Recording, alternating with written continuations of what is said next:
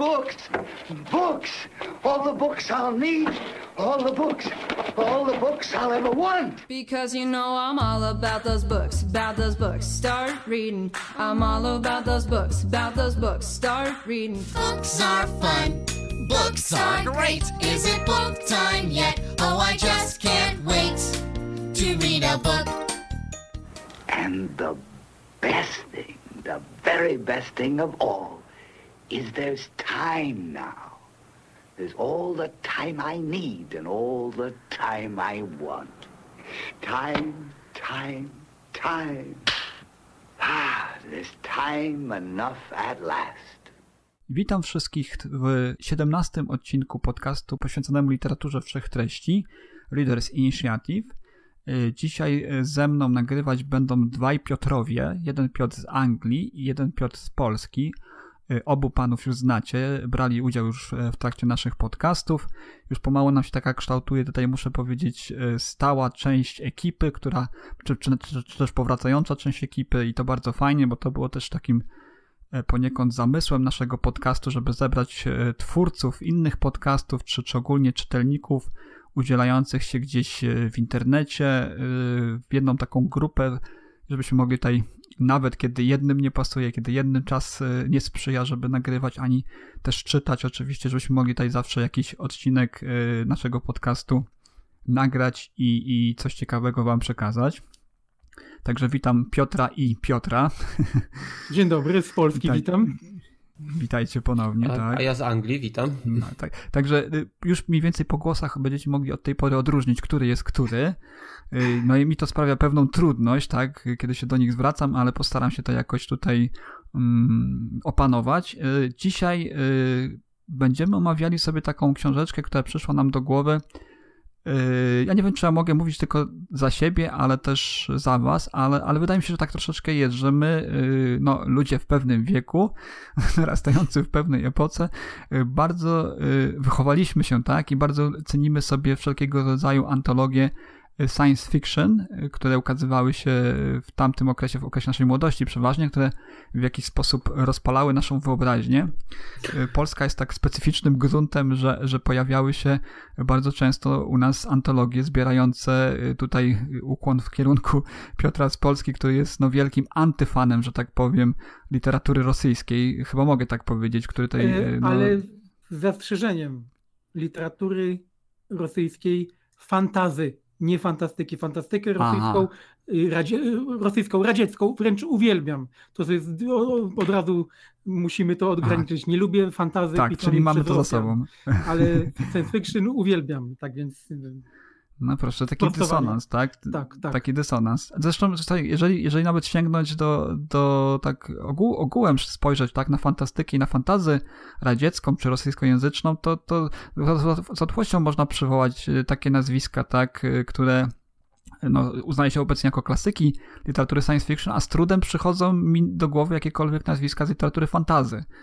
I tutaj Powiem- ja kwestia powiem mojej inaczej. ignorancji. Ja powiem też tak, to można też powiedzieć o względach y, kulturowych. Ja, ja, ja taką tezę zawsze wysnuwam, że, że Rosjanie i są predestynowani do pisania science fiction, a nie fantazy, natomiast y, ludzie kręgu kultury zachodu fantazy czują się lepiej także ze względów historycznych. Ja to mogę ładnie udowodnić, ale to nie jest temat chyba na, Mhm. ten, na ten odcinek.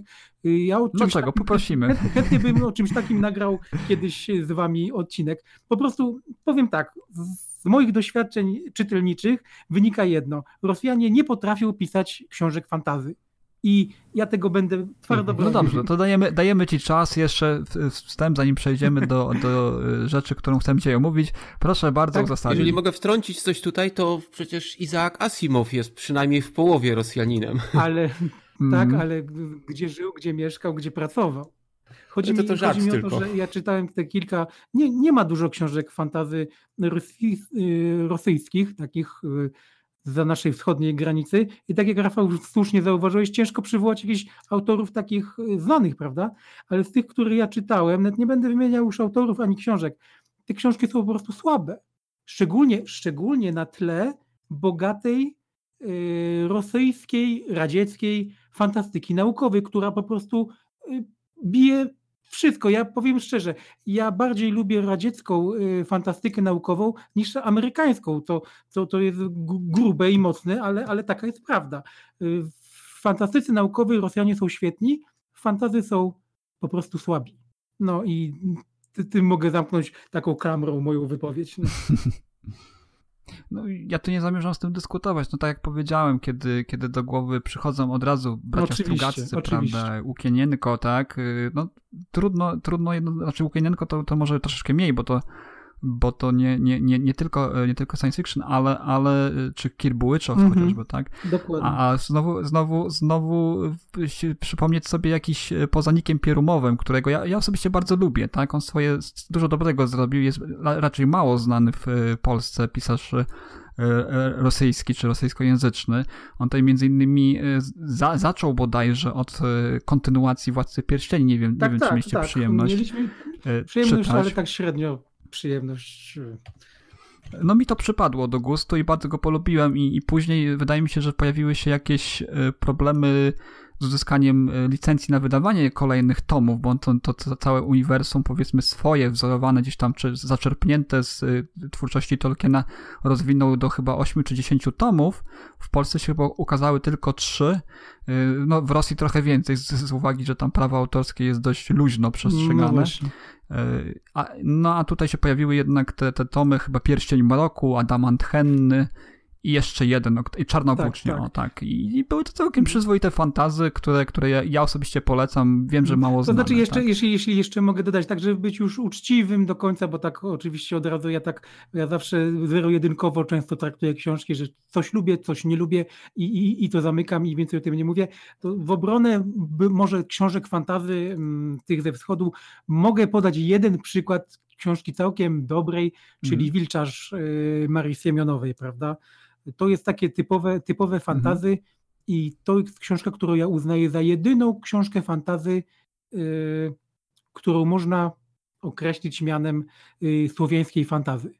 To ja zawsze, ja zawsze podaję ten przykład, kiedy z kimś się kłócę mhm. o Sapkowskiego i Wiedźmina, prawda? Że, że, że Wiedźmin to jest taka książka, och, niesamowite fantazy, które jest fantazy mm, słowiańskie. Jak to będzie mówię, hola, hola, ja cię bardzo kolego szanowny przepraszam, ale prawdziwą fantazy słowiańską to ty możesz poznać i po, możesz o niej porozmawiać dopiero jak przeczytasz Wilczarza Siemionowej, bo to jest fantazy, fantazy yy, takie, jakie powinno być określone w naszej, w naszej kulturze, a Wiedźmin to jest po prostu fantazy jako taka i tyle, no.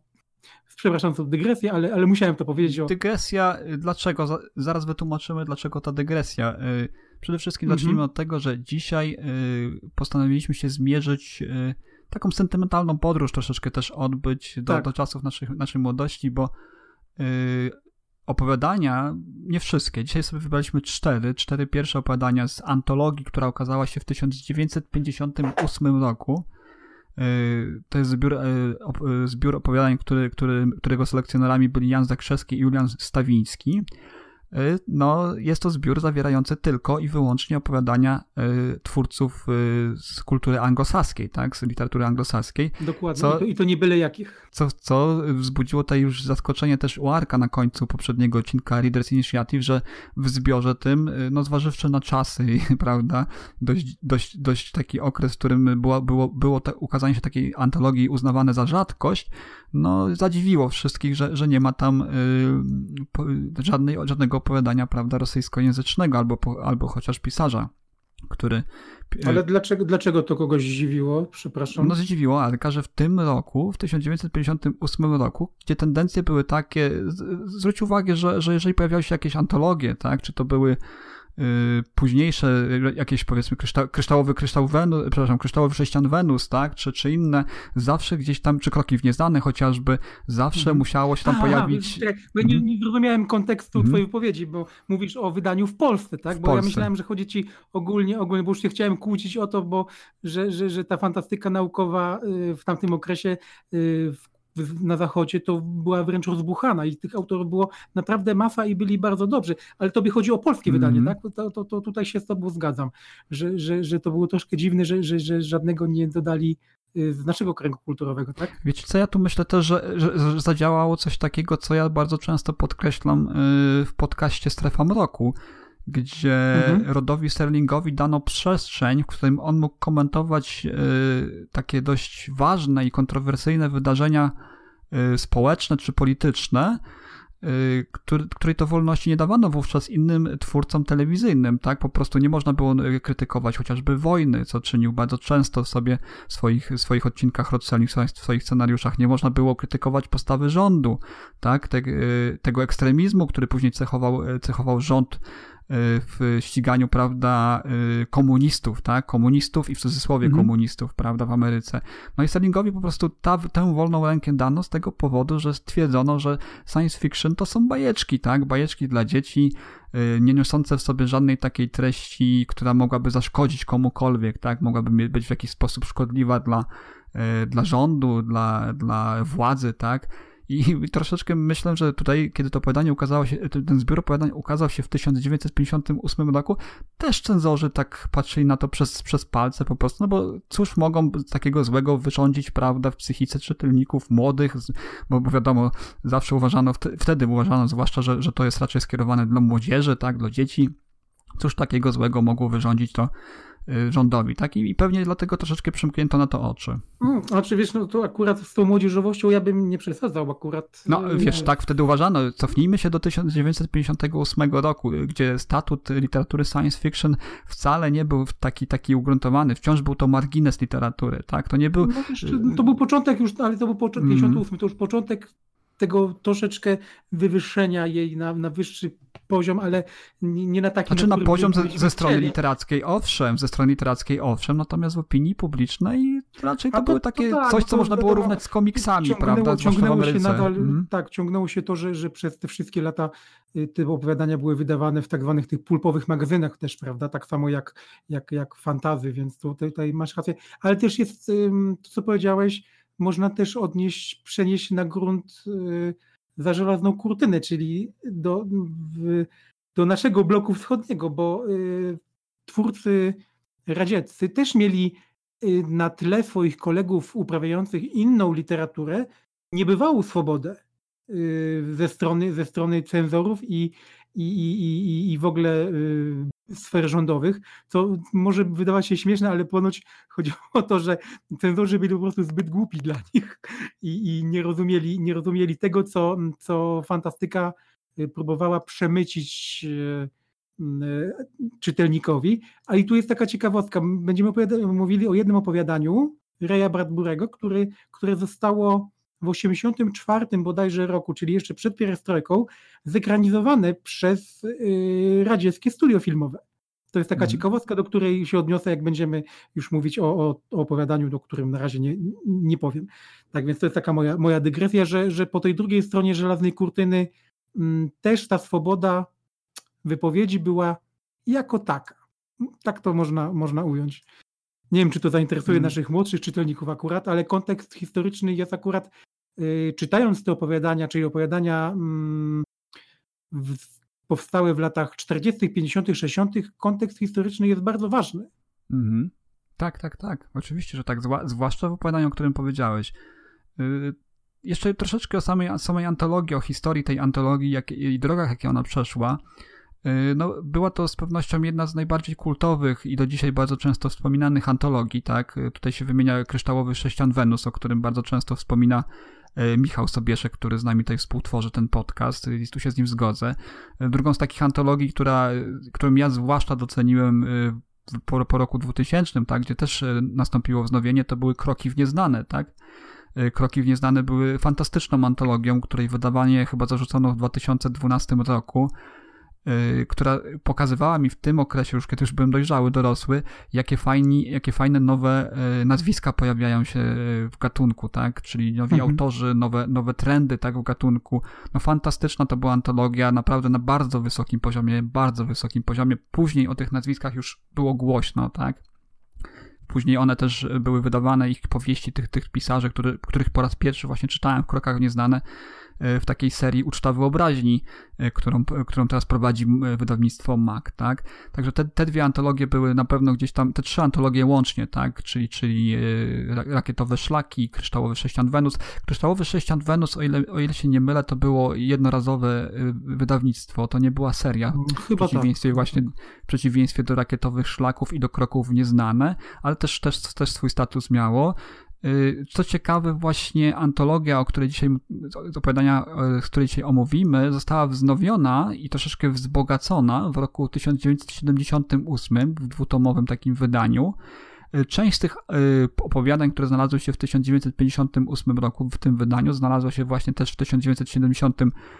2008, to też nas troszeczkę tak zaskoczyło, bo zaczęliśmy czytać e, właśnie to wydanie z 1958 i później Michał do mnie pisze, słuchaj, chyba, chyba mam złą, e, złą książkę, ponieważ e, patrzę teraz na opowiadania z tej antologii z 1978 i tam są takie same opowiadania. No, no owszem, zgadza się, pierwsze cztery opowiadania chyba są takie same tak, w, tej, tak, w, tej, w tej antologii z 1978. Tak, w oryginalnym nie ma na przykład bodajże Paula Andersona, a jeśli. Mhm. No właśnie, jest, jest kilku autorów y, potem, potem dodanych. Y, Żelazny jest bodajże dodany w drugim tomie, w Tak. tym drugim wydaniu z 78 i jeszcze, i jeszcze, i jeszcze paru innych. Y, Powiem szczerze, że, że niektórzy ci autorzy nie bardzo mi pasują do tej antologii, prawdę mówiąc, bo patrząc na, ten, to, na ten, to oryginalne wydanie, to tam jest Mhm. naprawdę, tam są naprawdę postaci tacy no, kanoniczni, no, autorzy. No tak, tak, tylko że, że warto tutaj też zauważyć, to, to, to, jest, to jest oczywista rzecz, prawda, kiedy się o tym mówi. Natomiast y, kiedy się o tym pomyśli, to to jest trochę takie zaskakujące w pewnym względzie, ponieważ to jest 1958 rok. Ja znowu to podkreślam i te opowiadania, no to były nowości. To były rzeczy, które się krótko wcześniej ukazały, tak? To były no, tak, tak, y, tak, najnowsze opowiadania z, z twórców, którzy znaleźli się w tej, w tej antologii. tak, tak, coś, którzy jeszcze co- byli na, na, na początkach swojej kariery niektórzy. Kariery, tak. Mhm. Y, Więc to, to też my tak patrzymy trochę z, ze złej perspektywy, z perspektywy czasu, prawda? Że to Oczywiście klasyka, i tutaj, że, tutaj to, właśnie chciałbym pod, Mhm. podkreślić to, jakie, jakiego dzieła dokonali i jak, jak, jaką się y, taką y, no, perspektywą wykazali tutaj pan Jan Zakrzewski i Julian Stawiński, no czasami strzelając w ciemno, wybierając opowiadania, które po prostu były dobre, tak? które były świetne z ich perspektywy. No później oczywiście okazało się, że były to opowiadania, no ja nie mówię o Rayu Bradburym, bo to Ray Bradbury też był wtedy, prawda, pisarz o ugruntowanej pozycji, ale kilka tutaj nazwisk, no to to jest dopiero początek ich drogi, tak? no, więc to to jest, po, po, Pomyliłem się, ja muszę, muszę przeprosić. y, Paul Anderson był w pierwszym wydaniu, ale mm, tak jak mówisz, on też akurat ten autor był na początku swojej kariery, bo na przykład y, pierwszą Mhm. nagrodę Hugo on zdobył bodajże 3 lata czy 4 lata po, po wydaniu y, tej antologii, jeśli dobrze pamiętam. Tak więc, no tak jak mówisz, to, są, to były wtedy, wtedy to, było, to było nowum, to byli autorzy młodzi, nowi. y, Tak, więc my, my, my to możemy z takiej perspektywy teraz, że to jest klasyka i tak dalej Mhm. mówić, ale trzeba to mieć na uwadze właśnie ten kontekst historyczny, więc tutaj masz całkowitą, całkowitą rację.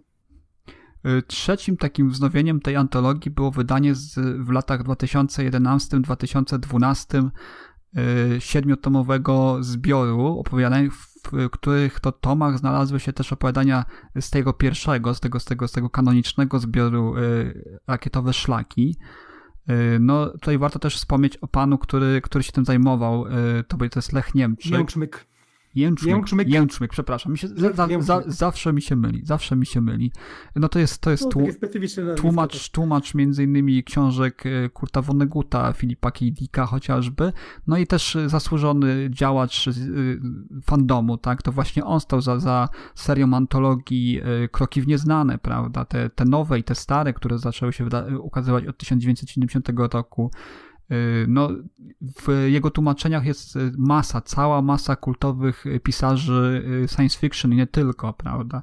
Między innymi też pojawia się Joseph Heller i jego paragraf 22, tak? To właśnie pan Lech Jęczmyk tłumaczył tę, tę, tę książkę, bardzo trudną do przetłumaczenia swoją drogą.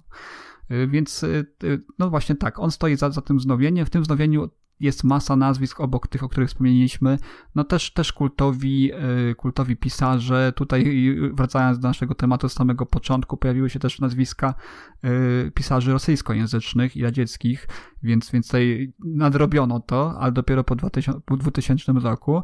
No oprócz tego pojawił... W siódmym tomie jest nawet nasz Wiktor Żwikiewicz, chyba w szóstym czy w siódmym tomie tego. No, jest też Marek Huberat, prawda? No właśnie. Marek Huberat, którego ja bardzo lubię. Polacy też się pewili, oczywiście.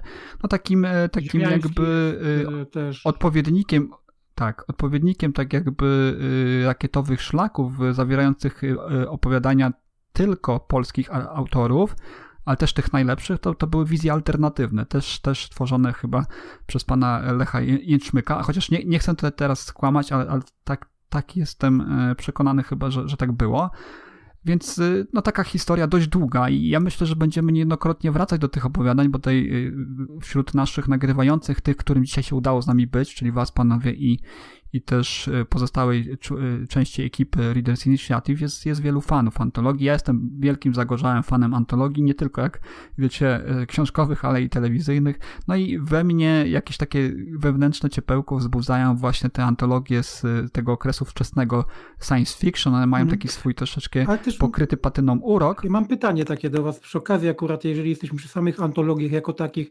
Czy wy nie macie, bo ja, ja mam takie odczucie, nie wiem czy, czy, czy koledzy podzielacie to, co teraz powiem, ale ja mam takie wrażenie, że generalnie antologie troszkę mm, w pewnym momencie podupadły. To znaczy, y, chodzi o to, że już sam, sam, sam cykl wydawniczy książek y, science fiction jest taki, że same wydawnictwa żądają od autorów, żeby tworzyli długie, długie, długie serie książek, natomiast bardzo niechętnie y, wydają Y, antologii opowiadania i tak dalej. Ja nawet kiedyś czytałem, nie pamiętam dokładnie gdzie, y, to był artykuł jakiegoś zachodniego pisarza, tylko nie pamiętam jakiego, który się na to żalił, że, że, że wydawnictwo zmusza go do tego, aby ze swoich książek tworzył długie cykle, bo dzięki temu wydawnictwo zarabia i on zarabia, i on chciałby przeprosić czytelników za to, co robi, ale niestety zmusza go do tego rynek. I ja mam takie mm, od kilkunastu lat takie wrażenie, że, że właśnie antologia przez to bardzo, antologie przez to bardzo cierpią, że nie ma ich tak dużo,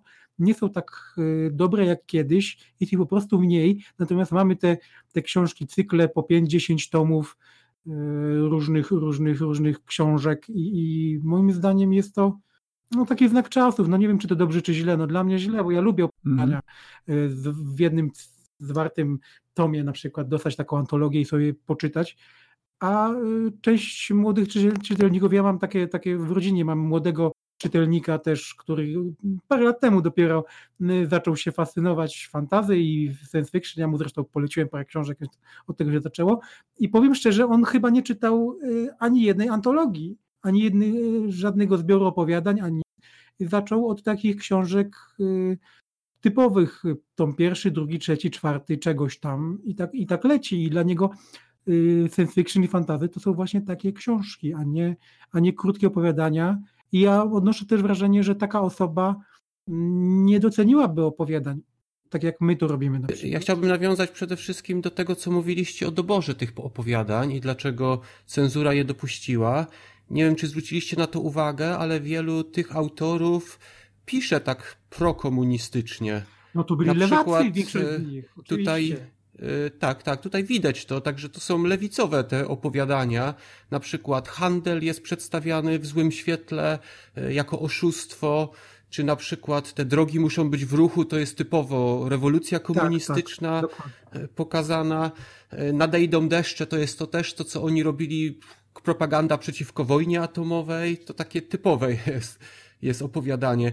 Czy na przykład ta czarna walizeczka, no to tam jest też pokazane o tych złych cechach tych ludzi, którzy gonią za pieniędzmi, ta zła kapitalistyczna chciwość i Także to, to myślę, że to bez problemu mogło przejść przez cenzurę, bo to było bardzo pro to, co właśnie wschód propagował, nie? Odnośnie, odnośnie czarnej walizeczki, to akurat powiem ci, że to było tak dość uniwersalne opowiadanie, także nawet jeżeli y, z takim założeniem gdzieś tam powiedzmy jacyś y, cenzorzy dopuścili to opowiadanie z założeniem, żeby wbić szpilkę imperialistom, prawda, że to przez nich może dojść do takiej sytuacji, jaką mamy opisaną chociażby w tym opowiadaniu, to, to akurat no, przestrzelili, bo, bo to jest takie opowiadanie, które równie dobrze po drugiej stronie mogło, mogłoby podobny wydźwięk mieć, y, zwłaszcza, że te nastroje też były wówczas w Ameryce takie bardzo mocno, tak? Ja przypomnę, co się wtedy w Ameryce działo, tak? Ludzie y, w przydomowych, przydomowe bunkry tak. mieli, prawda? I w ogóle, i w szkołach uczyli ich, tak? To, co się może stać, jak się zachować na, na, na, na wypadek wybuchu atomowy, atomowego. Tak, pod, pod biureczko się schować, tak. Tak, i powsta powstawały specjalnie te y, takie, takie małe, małe mieściny, tak, które gdzieś tam służyły do testów atomowych i wówczas Amerykanie no, żyli, żyli z, tym, z, tym, z tym y, strachem, tak, na co dzień, tak, że w każdej chwili może wybuchnąć wojna atomowa. Także A propos tej, tego, y, tej cenzury, co hmm? powiedział kolega Piotr, y, kłopoty z cenzurą radziecką miał Heinlein, przy, przy, na przykład przy Żołnierzach Kosmosu, które było w pewnych kręgach uznawana za książkę wręcz propagującą faszyzm.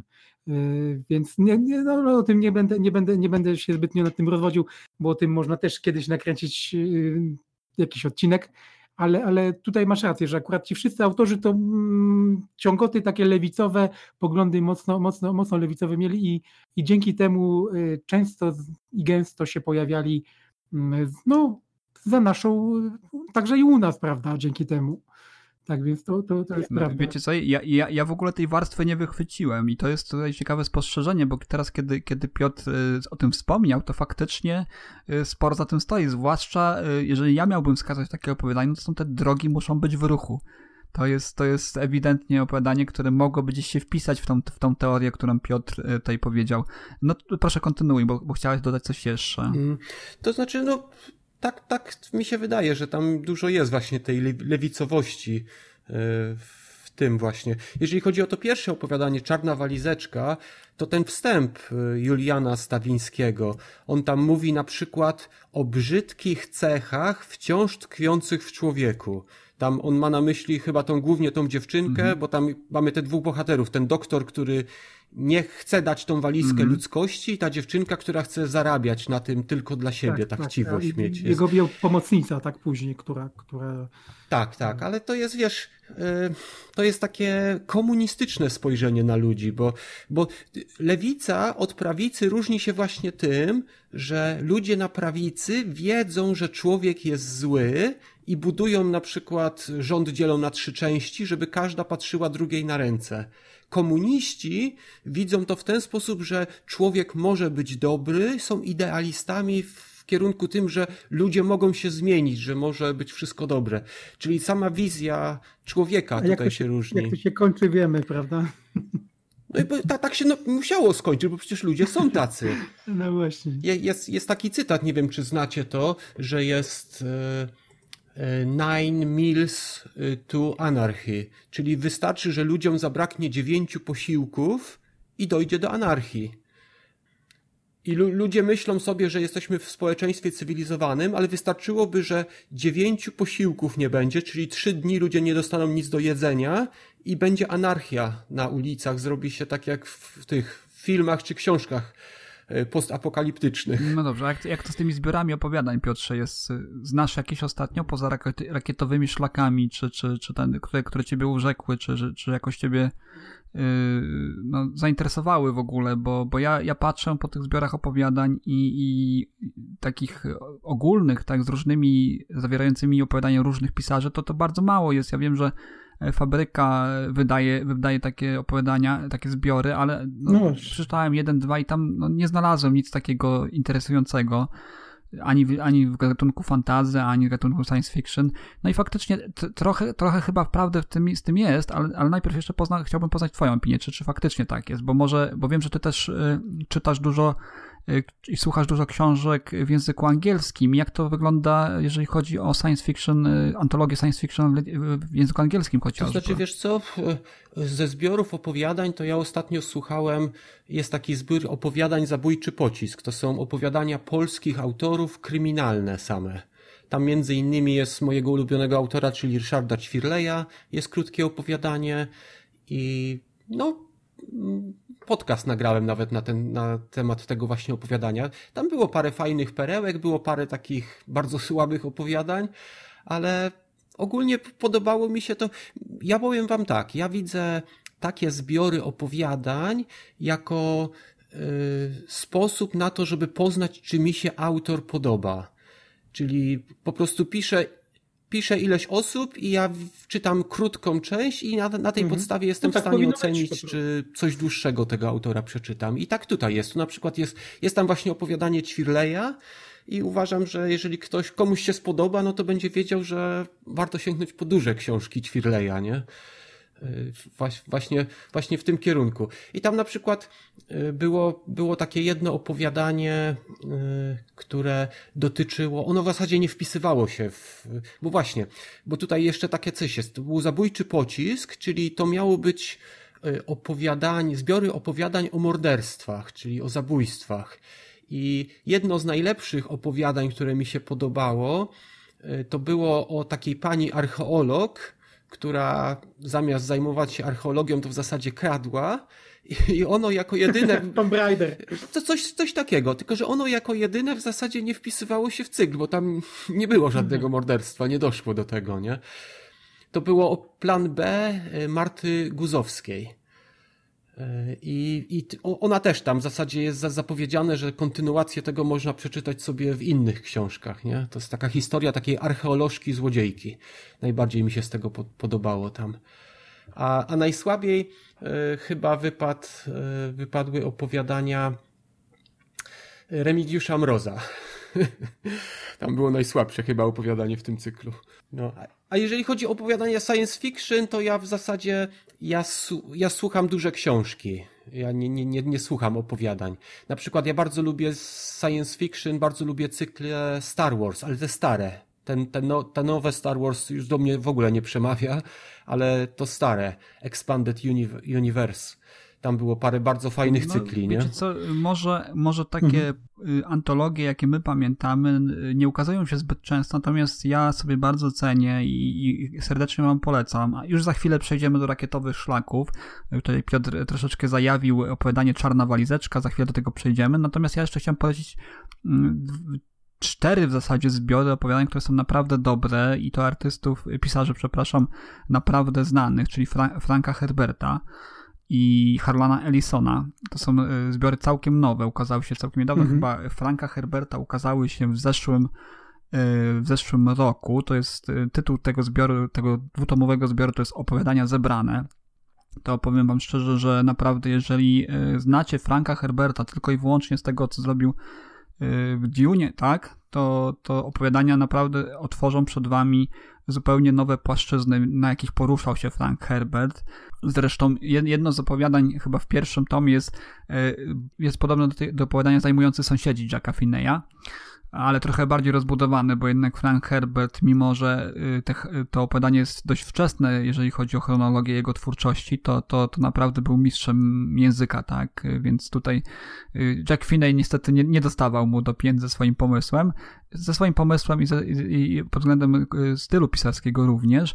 No i, i, drugi zbiór, drugi też dwutomowy zbiór, teraz całkiem niedawno ukazał się tom drugi, kilka dni temu dosłownie, chyba tydzień. To jest zbiór To co najlepsze, też dwutomowy.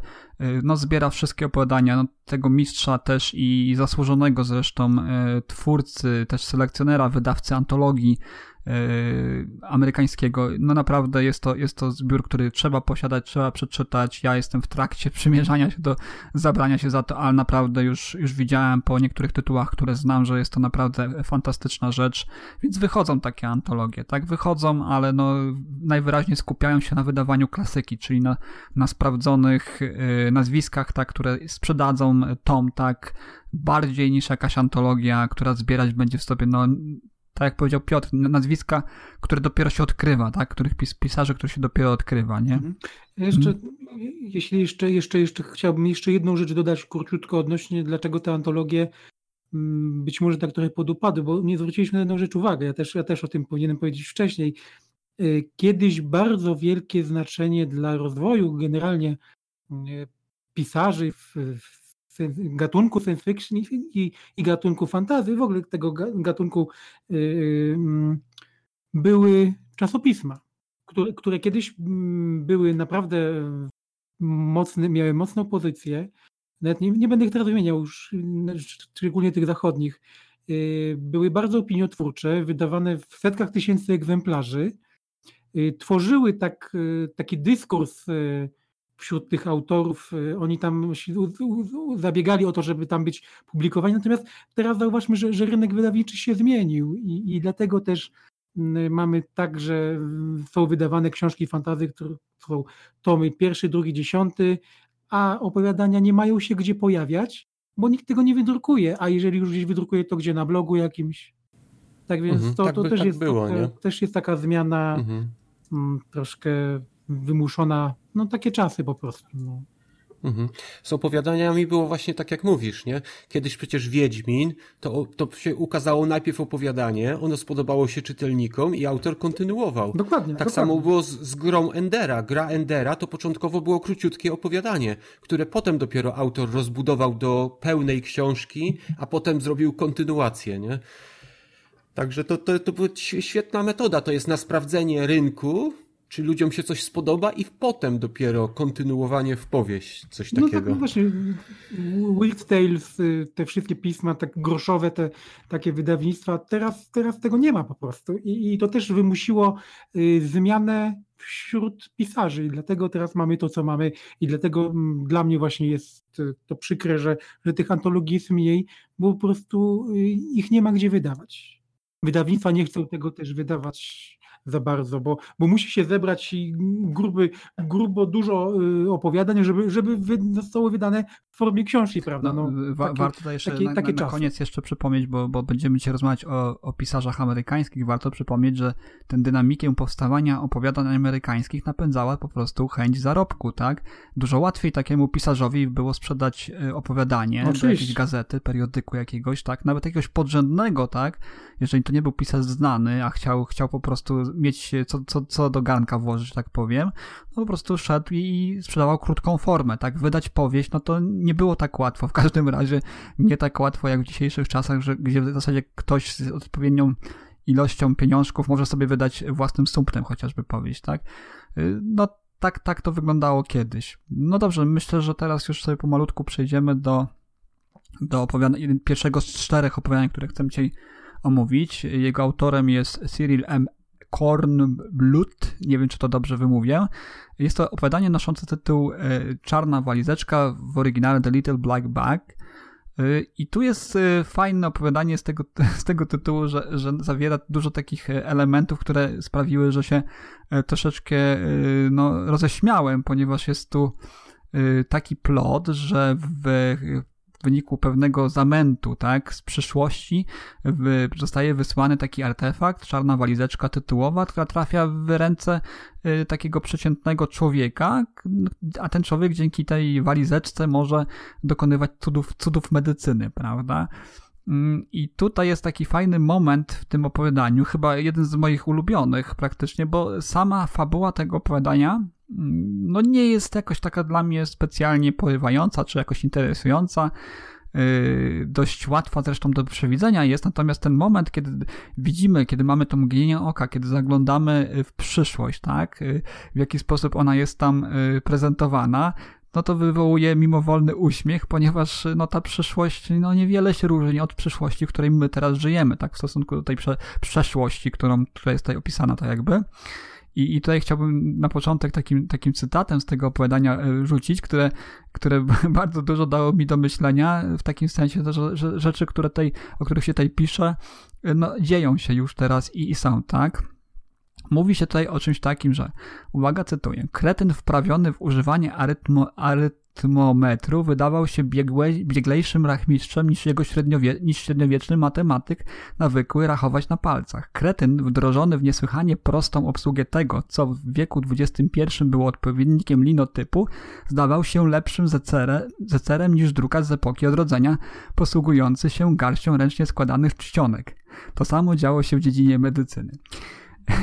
I teraz, I teraz panowie, no, czy to się nie dzieje właśnie dzisiaj na naszych oczach, tak? Czy, czy, czy po prostu nie mamy takiej sytuacji, że tak po prostu jest? I osoba, która gdzieś tam ma dostęp do jakichś takich narzędzi, y, powiedzmy internetu, komputera, y, rzeczy, które kiedyś, no, no wiadomo, nie było ich po prostu kiedyś, może zrobić cuda, nawet się specjalnie nie wysielając, nie dysponując zbyt, zbyt wielką wiedzą. Ja nie, nie mówię od razu, że to jest jakoś, jakieś złe, ale no tutaj autor dość trafną, trafne spostrzeżenie na temat tego, co, co, co może ludzkość czekać w przyszłości wysnuł, no i wydaje mi się, że trafił w dziesiątkę, tak?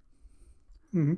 No, no, tak, znaczy to jest akurat u tego autora, bądź tak, bądźmy szczerzy, to z tych autorów, o których dzisiaj będziemy rozmawiać, to jest chyba najmniej znany, prawda? Autor. Mhm. Znaczy, Piotr, I... Piotr wynalazł chyba ciekawostkę na ten temat, prawda, Piotrze? Tak, on napisał książkę The Marching Morons, na której został oparty masz film.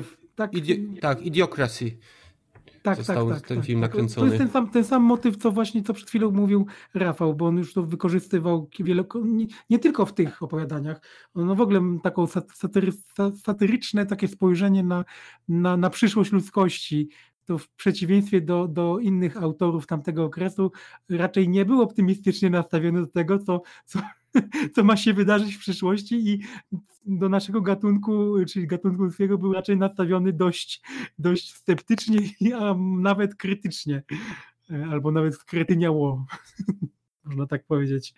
No to stwierdzał, że, że idziemy w kierunku idiocenia po prostu. No. I to się przejawia właśnie także w tym, w tym opowiadaniu, o którym, o którym mówimy, prawda?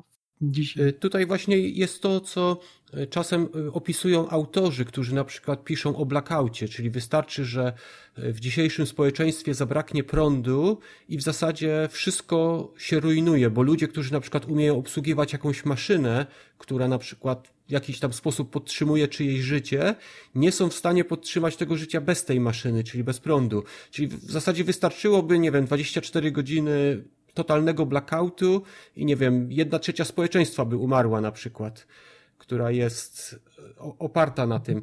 Jest, jest wiele takich rzeczy właśnie i, ale to na tym polega technologia, że produkowane jest więcej żywności przez ludzi, którzy nie potrafią sami wyprodukować maszyn, które obsługują, ale dzięki temu, że używają tych maszyn, są w stanie wyprodukować więcej. Oczywiście, kiedy te maszyny nawalą, no to będzie problem, ale w zasadzie, gdyby tego nie było, na pewno ludzkość musiałaby być o wiele mniejsza, bo po prostu nie bylibyśmy w stanie wyżywić się bez tego. Wiecie co, podoba mi się też trochę klimat tego opowiadania. To jest taki, y, no dość nietypowy dla, e, dla science fiction z tej epoki. Ten e, doktor, no nie jest takim, taką postacią od linijki, to jest taki człowiek przegrany, tak, zapijaczony, gdzieś tam pogrążony w jakimś takim nostalgii, smutku, który, no, która, która jakoś tam Y, bliska jest właśnie bohaterom chociażby większości scenariuszy Roda Sellinga, o którym ja tutaj wspomnę.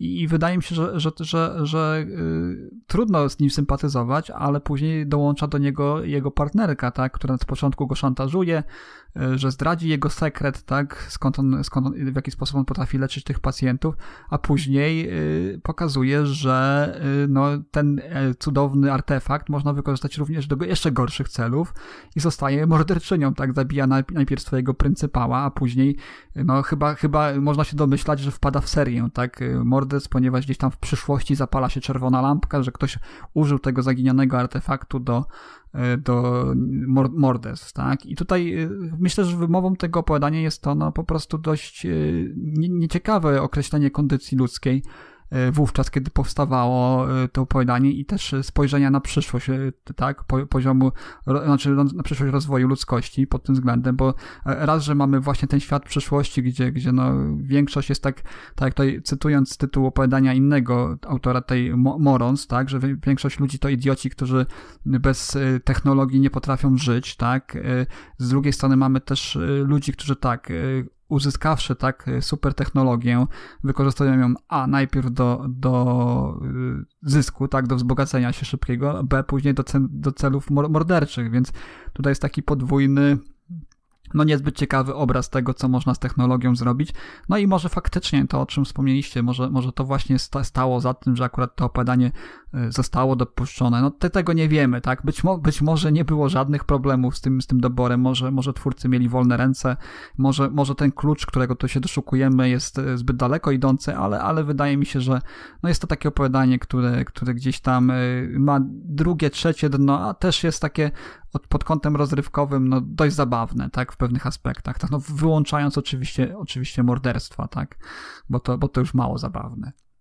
Czy chcecie coś dodać jeszcze na temat tak, tego tak. opowiadania? Tutaj ja takie Mhm. dwie rzeczy. Z jednej strony nie przemawiała do mnie przemiana tego lekarza, bo ten lekarz jest takim złym, chciwym człowiekiem, który oszukuje ludzi, żeby zarobić na alkohol i w zasadzie w jednym momencie zmienia się w dobrego, idealistycznego doktora, to była taka, to do mnie nie przemówiło, to jest jedna taka rzecz. I druga, tam był taki ciekawy wątek z prasą, że napisano artykuł o jego klinice i redaktor naczelny odrzucił ten tekst. Ja sobie tak właśnie pomyślałem, że dzisiejsze czasy różnią się od tamtych właśnie tym, że dzisiaj, jeżeli napiszesz jakiś tekst, to nie musisz prosić kogoś, żeby go wydał, tylko wrzucasz go na bloga i twój blog na przykład, jeżeli artykuł jest dobry, może stać się sławny na całym świecie. Ludzie mogą o twoim blogu, do twojego bloga wchodzić i to jest, to jest dzisiaj dobre, że nie jesteś ograniczony przez kogoś, kto stoi nad tobą, tylko ty sam możesz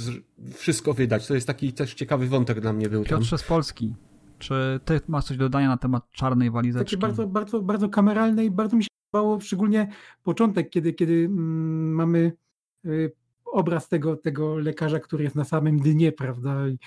Wraca do domu i marzy tylko o tym, żeby się, żeby się napić jakiegoś taniego alkoholu, jakiejś berbeluchy. Y, I, i, I ten opis y, mi się bardzo, bardzo podobał. Znaczy, chodzi o to, że jest bardzo plastyczne to opowiadanie. Bardzo dobrze się je czyta pod względem y, technicznym. Tak więc to jest taka moja pierwsza uwaga. No odnośnie, odnośnie opowiadania, to już wcześniej kolega Piotr też mówił właśnie o tym, że mm, mamy to, to takie spojrzenie na, na to nasze społeczeństwo w przyszłości, które jest mało, mało optymistyczne i, i- to się tak w każdym aspekcie tego opowiadania przejawia, więc to też jest takie bardzo, bardzo, bardzo oryginalne, bardzo, bardzo mi się podobało. Jest krótkie opowiadanie bardzo i, i, i według mnie jest to wielki plus tego opowiadania, bo jest zwarte dobrze. Nie no, nie, nie ma się co śmiać, bo teraz się wszystkim wydaje, że im dłuższe, tym, tym, tym lepsze, prawda? A czasem y, zwarta forma jest naprawdę i dobry przekaz, to jest naprawdę warta, y, warta tego, żeby, żeby, żeby przyklasnąć temu, tak więc. Dla mnie opowiadanie jest całkiem, Mhm. Ja, całkiem te- ja też lubię krótkie opowiadania. Krótkie nie znaczy złe, tak? Y, Tutaj takim opowiadaniem, o którym za chwilkę powiemy, jest opowiadanie Raya Bradbu- Bradbury'ego, tak? Y, Nadejdą deszcze. To, to jest taki ewidentny przykład opowiadania, które jest dobre, dzięki temu również, że jest krótkie, tak? Bo ono nie potrzebuje większego rozwinięcia, ale o tym za chwilę. Y, Najpierw opowiadanie Jacka Finney'a, zajmujący sąsiedzi, Such Interested Neighbors. I, i, I to jest opowiadanie, które mi się z tej czwórki, które sobie dzisiaj wy- wybraliśmy do, do mówienia o nich, y, podoba najmniej. Jest, są pewne aspekty, o których, o których za chwilę wspomnę, które też jak- jakoś tak y, zainteresowały mnie y, z pewnego powodu, ale ogólnie jest to opowiadanie dość proste, tak? Ono jest tak, tak proste, że od pierwszych w zasadzie y, kilku zdań można się y, domyślić tego, tego co, co, co, co niejako wychodzi na jaw na samym końcu. I ja w tym opowiadaniu nie znajduję praktycznie nic poza y, dwoma rzeczami, o których za chwilę powiem, ale najpierw zapytam was, co, co y, wy o tym sądzicie, jak wam się podobało opowiadanie zajmujące sąsiedzi? No ja powiem tak, podobało mi się, ale to już, już przed chwileczką to powiedziałeś. Ja odnosiłem wrażenie, znaczy już miałem takie wrażenie po przeczytaniu, że e, powinno być e, tak jakby niedokończone.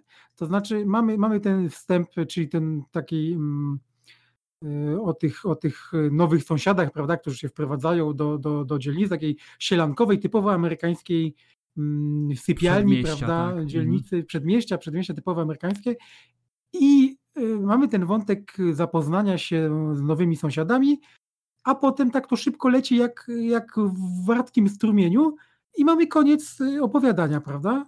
I ja myślałem, że, że, że znaczy według mnie to opowiadanie byłoby lepsze, gdyby, gdyby ten wątek od momentu, kiedy, kiedy, kiedy ci sąsiedzi, bo y, zaczynają rozmawiać o tej przyszłości, o tym świecie przyszłości, gdyby to było bardziej, bardziej rozwinięte, bo y, to opowiadanie kończy się takim niedomówieniem, prawda? Tam tak naprawdę nic na końcu nie wynika, czy, czy, czy, czy ci sąsiedzi y, naprawdę są z przyszłości, czy nie, czy tylko konfabulują, prawda? Bo to nie jest do końca określone. A to czy to co- musi być, to- wiesz, to dla mnie to by była zaleta, Nie, no, gdyby, no, gdybym nie był no, pewien, że są z przyszłości, no.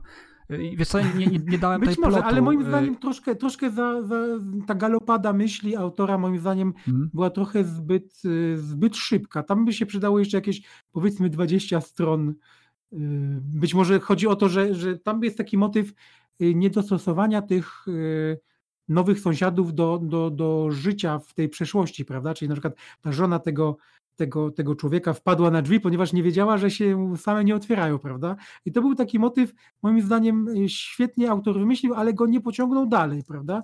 Bo tam potem się nic z tym nie wiązało. Y, Tak samo mm, ten nowy, nowy mm, wątek był też y, z wynalazkami z przyszłości, które trafiają do przeszłości, to znaczy są w w cudzysłowie wymyślane przez, przez tych podróżników w czasie, co też nie zostało, mm, zostało tylko nakreślone i nie zostało rozwinięte, Mhm. prawda? Piotrze z Anglii, też tak uważasz? Znaczy ja się cieszę, że to było krótkie, bo mi się wydaje, że to byłoby nudne, gdyby to było. Znaczy, gdyby to była powieść, mi- mi bardzo się podobała ta wizja przyszłości. I, I to w zasadzie samo opowiadanie uważam, że było słabo napisane. Ci główni bohaterowie, ci przy którego oczami to wszystko widzimy, oni byli tacy, takimi idiotami, którzy nic nie zauważali. Znaczy zauważali, że tamci są dziwni, ale nie potrafili połączyć kropek. I to było, wydaje mi się, bardzo słabe. Ale bardzo mi się podobała z kolei wizja przyszłości. To na przykład jak opisywali ten 12-14 godzinny y, dzień pracy, jak te, te, te ogromne podatki. W tej chwili w zasadzie Całkiem realne, prawda? Y, W zasadzie wiele Tak, krajów tak, idzie tak. w tym kierunku, bo na przykład rosną te systemy lecznictwa, które biorą coraz więcej pieniędzy, na przykład w Stanach. Z- Mówi się, żeby coraz większe podatki dawać, więc to, to jest taka ciekawa rzecz. I bardzo mi się podobało wątek właśnie głosowania nogami. Uważam, że to jest najlepszy sposób głosowania. Jeżeli ludzie ludziom się nie podoba w jakimś kraju, to po prostu z niego wyjeżdżają. I oni w pewnym sensie opuścili swój kraj, zagłosowali nogami i, i zauważcie, do, przesz- do przeszłości się przenieśli, tak. tak, dzi, dzi, gdyby Dokładnie. dzisiaj tak było, nie, gdybyśmy my na przykład mieli możliwość wyjechać na przykład z Ziemi, polecieć gdzieś na przykład na inną planetę, to w zasadzie władcy, e, ci, którzy rządzą, ci, którzy są u sterów rządu, musieliby zupełnie inaczej podejść do ludzi. O ile by nam pozwolili to zrobić. No to, to, to komuniści zabraniali, nie? Ale w, kraj, w krajach kapitalistycznych w zasadzie można wyjeżdżać dowolnie, także y, to jest, wydaje mi się, najlepszy sposób głosowania, bo ten, ten sposób głosowania wyraźnie pokazuje, bo ludzie czasami mówią, że uważam, że ten kraj jest dobry, ale emigrują do drugiego kraju. I wydaje mi się, że to, co pokazują nogami, jest ważniejsze od tego, co mówią swoimi ustami. To więcej mówi o tych ludziach i o tym, co naprawdę, który kraj naprawdę uważają za, za lepszy, nie?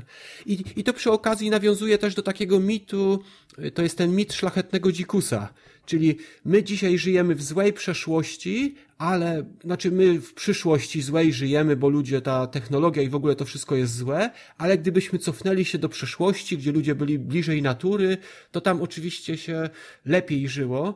A to też jest fajnie w tej powieści opisane, bo tam na przykład ktoś został spalony jako czarownica, Czyli pokazane jest, że ta przeszłość, tego, ten mit szlachetnego dzikusa wcale nie, nie, niekoniecznie musi działać. No nie? i, no i jeszcze tutaj poruszony dość y, często pod, pod, podnoszony argument, jeżeli chodzi o podróże w czasie, tak, że podróżnik w czasie, taki zwykły obywatel jak ja, ty czy, czy, czy ktokolwiek inny, no nie mógłby w znaczący sposób zmienić y, rozwoju technologii, tak, przynosząc pewne wynalazki do przyszłości, ponieważ y, nie pozwalało na to brak pewnych surowców, tak, stopów metali, wiedza chociażby, tak, to, że przeniósłby się w czasie i wiedziałby na przykład o istnieniu, nie wiem, takich wynalazków jak telefon, telewizor, czy chociażby radio, wcale nie oznaczałoby, że te wynalazki byłby w stanie wdrożyć w przeszłości, tak, to, to też mi się bardzo podobało. Mhm, dokładnie. E, A drugim takim elementem było fajne to przewidzenie kilku y, wynalazków, że tak powiem, w tej powieści, które mają zastosowanie i istnieją dzisiaj niejako, tak? Czyli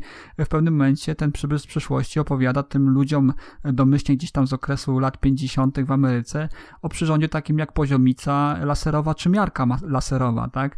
Co, co już jest obecnie dostępne, tak? Można, można sobie taką e, miarkę kupić. E, Więc, więc tu, tutaj, tutaj- tutaj akurat Finney trafił e, z wymyśl, wymyślonym przez siebie pomysłem. No i też coś, co można by było uznać za czytnik elektroniczny. Tak? Tam się pojawia w pewnym momencie. Mówi o tym przybysz z przyszłości, czy nawet pokazuje głównemu bohaterowi takie urządzenie, które no przypomina w opisie przynajmniej poza kilkoma detalami czytnik, czytnik książek elektronicznych, czyli dwa takie wynalazki, które tutaj się e, pojawiły e, w, w już w literaturze e, z roku 50. Tak? To, to, to dla mnie taka ciekawostka była. No i plus to, o czym mówił właśnie już Piotr, że, że mamy tutaj taką wizję przyszłości, która jest też dość realna, realistyczna. Tak? To my sobie teraz przejdziemy może, chyba, że chcecie coś dodać jeszcze. Znaczy, ja, ja ogólnie do opowiadań jeszcze, tak, taki jedno, jedna rzecz, która wchodziła we wszystkich, to ja uważam, że te wstępy spoilerują trochę.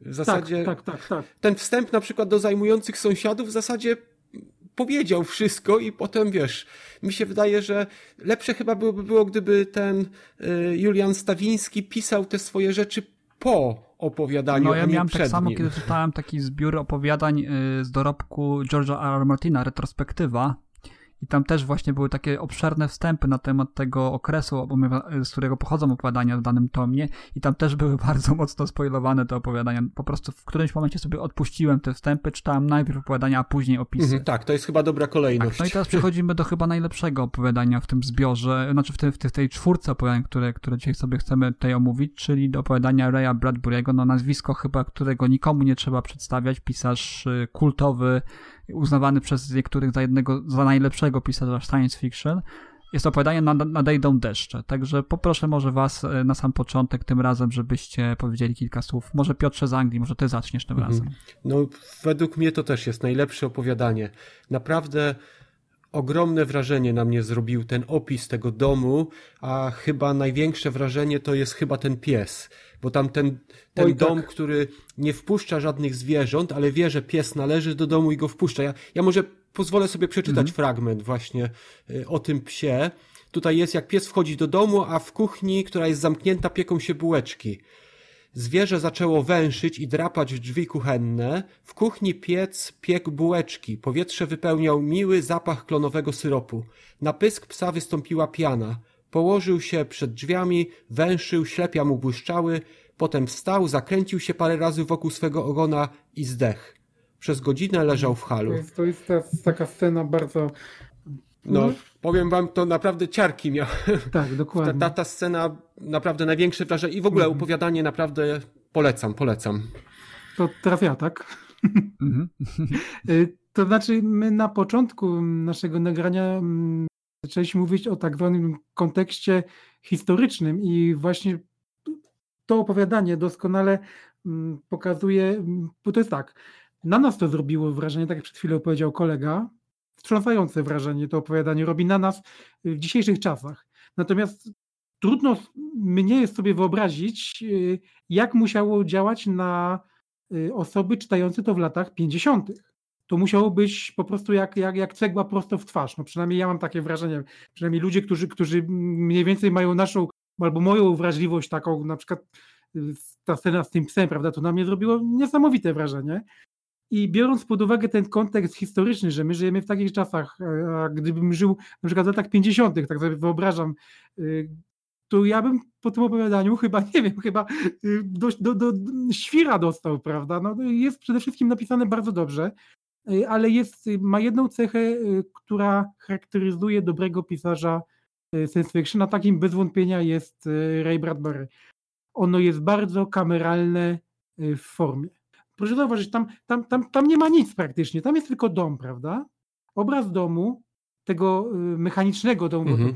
nie nazwę tego dom elektroniczny, bo to były lata 50., kiedy, kiedy autor tworzył ten, to, to swoje opowiadanie i, i on działa, działa automatycznie, mm, czekając na swoich państwa, których już nie ma, bo zostali zmieceni przez y, bombę atomową, prawda? Mamy ten nawet krótki opis, y, że ich cienie, prawda, odbiły się na na ścianie domostwa, prawda? Jest tam, jest tam taki fragment, prawda?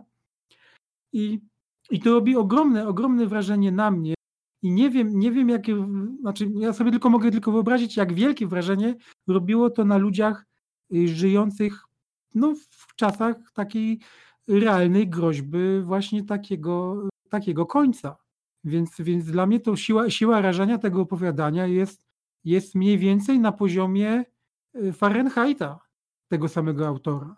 Ja wiem, że to bardzo, bardzo mocne z mojej strony powiedzenie, ale, ale takie odnoszę wrażenie, że, że gdybym, gdybym w tamtym okresie i przeczytał to opowiadanie, to byłbym mocno, mocno zaszokowany mhm. treścią tak, i tak. formą. Tak. Jest, jest dobre. Ja bym jeszcze odnośnie już futurologii, która jest w tym opowiadaniu. Tam w zasadzie w dzisiaj się mówi coraz częściej o tych smart home i w zasadzie tam mamy opis, przewidzenie takiego domu inteligentnego. Jest nawet, y, aero, aeroboty są nawet, które, jest nawet rumba w postaci tak, myszek tak. czyszczących, prawda? To udało mu się przewidzieć, to, to było tak, super. Tak, tak, dokładnie, dokładnie tak. Dla mnie to też było jedno z mocniejszych opowiadań i w ogóle od samego początku takie chwytające, bo tutaj mamy opis z jednego dnia y, funkcjonowania tak, domu tak, godzina tak, po godzinie, tak, który jakimś mhm. Tak, jaki, jaki, jaki y, jedyny chyba jaki przetrwał w tej okolicy katastrofę nuklearną, y, wybuch bomby atomowej.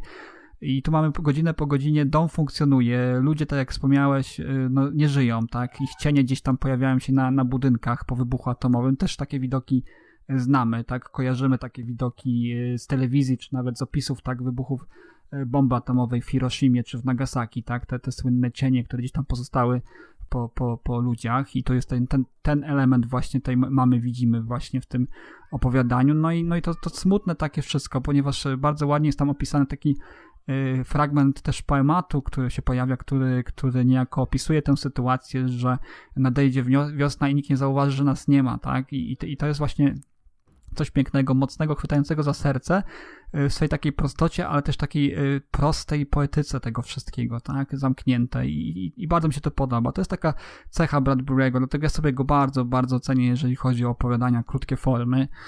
Y, naprawdę tutaj autentycznie wzruszająca, taka, mimo że pozbawiona w zasadzie poza psem i tam zwierzętami, które się pojawiają, pozbawiona takich bohaterów, tak? Po prostu opis sytuacji i niestety smutny, tak? No bo na koniec też dostajemy też taką, można powiedzieć, dość mocną scenę, w której dom, ten ostatni dom, który przetrwał tam, tak? No też zostaje poddany destrukcji, tak? I też sprawia takie wrażenie wręcz żywej istoty, tak, tak która gdzieś tam zostaje po, po, tak, tak, broni się, tak. Także tak. świetne. domu na koniec mamy.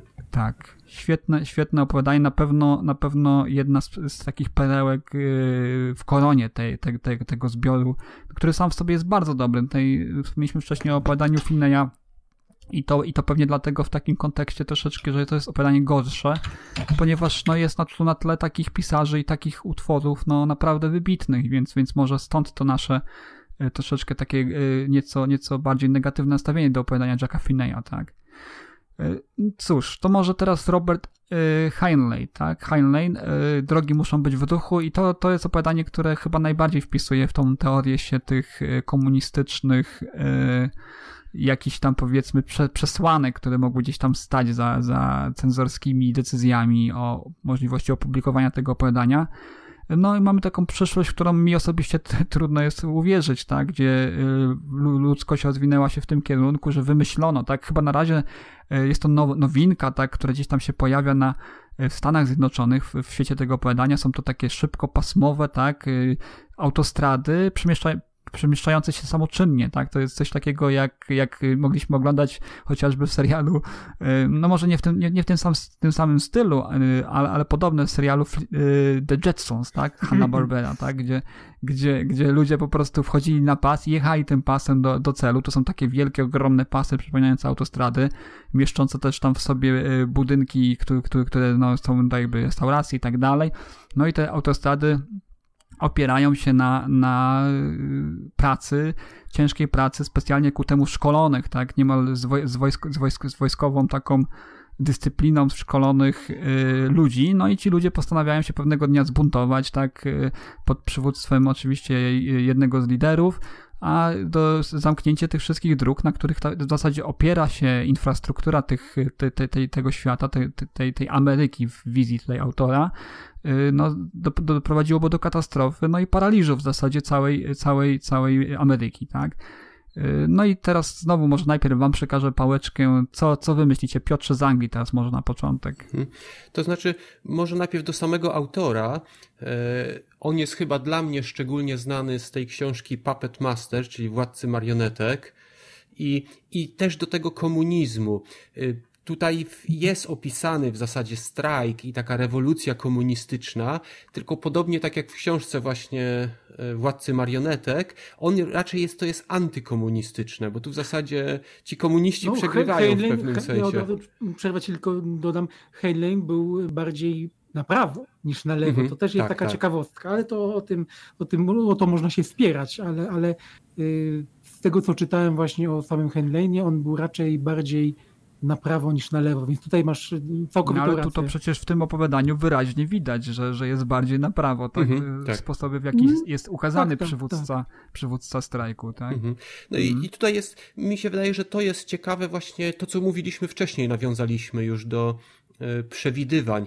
Na przykład, e, kiedy czytałem powieści e, te postapokaliptyczne, na przykład o EMP, czyli jak ten Electromagnetic Impulse by przyszedł i by zniszczył całą technologię, na przykład samochody, które w tej chwili w całą elektronikę mają, czyli większość samochodów stanęłaby, to sobie łatwo wyobrazić, że miliony ludzi zostałoby pośrodku autostrad gdzieś gdzie nie mieliby jedzenia, nie byłoby tego jak dostarczyć.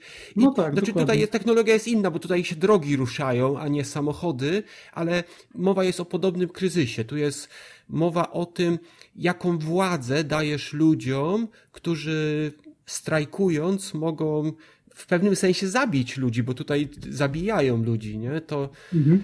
Nie wiem, czy czytaliście kiedyś było takie opowiadanie, ono się w fantastyce ukazało, bardzo krótkie opowiadanie.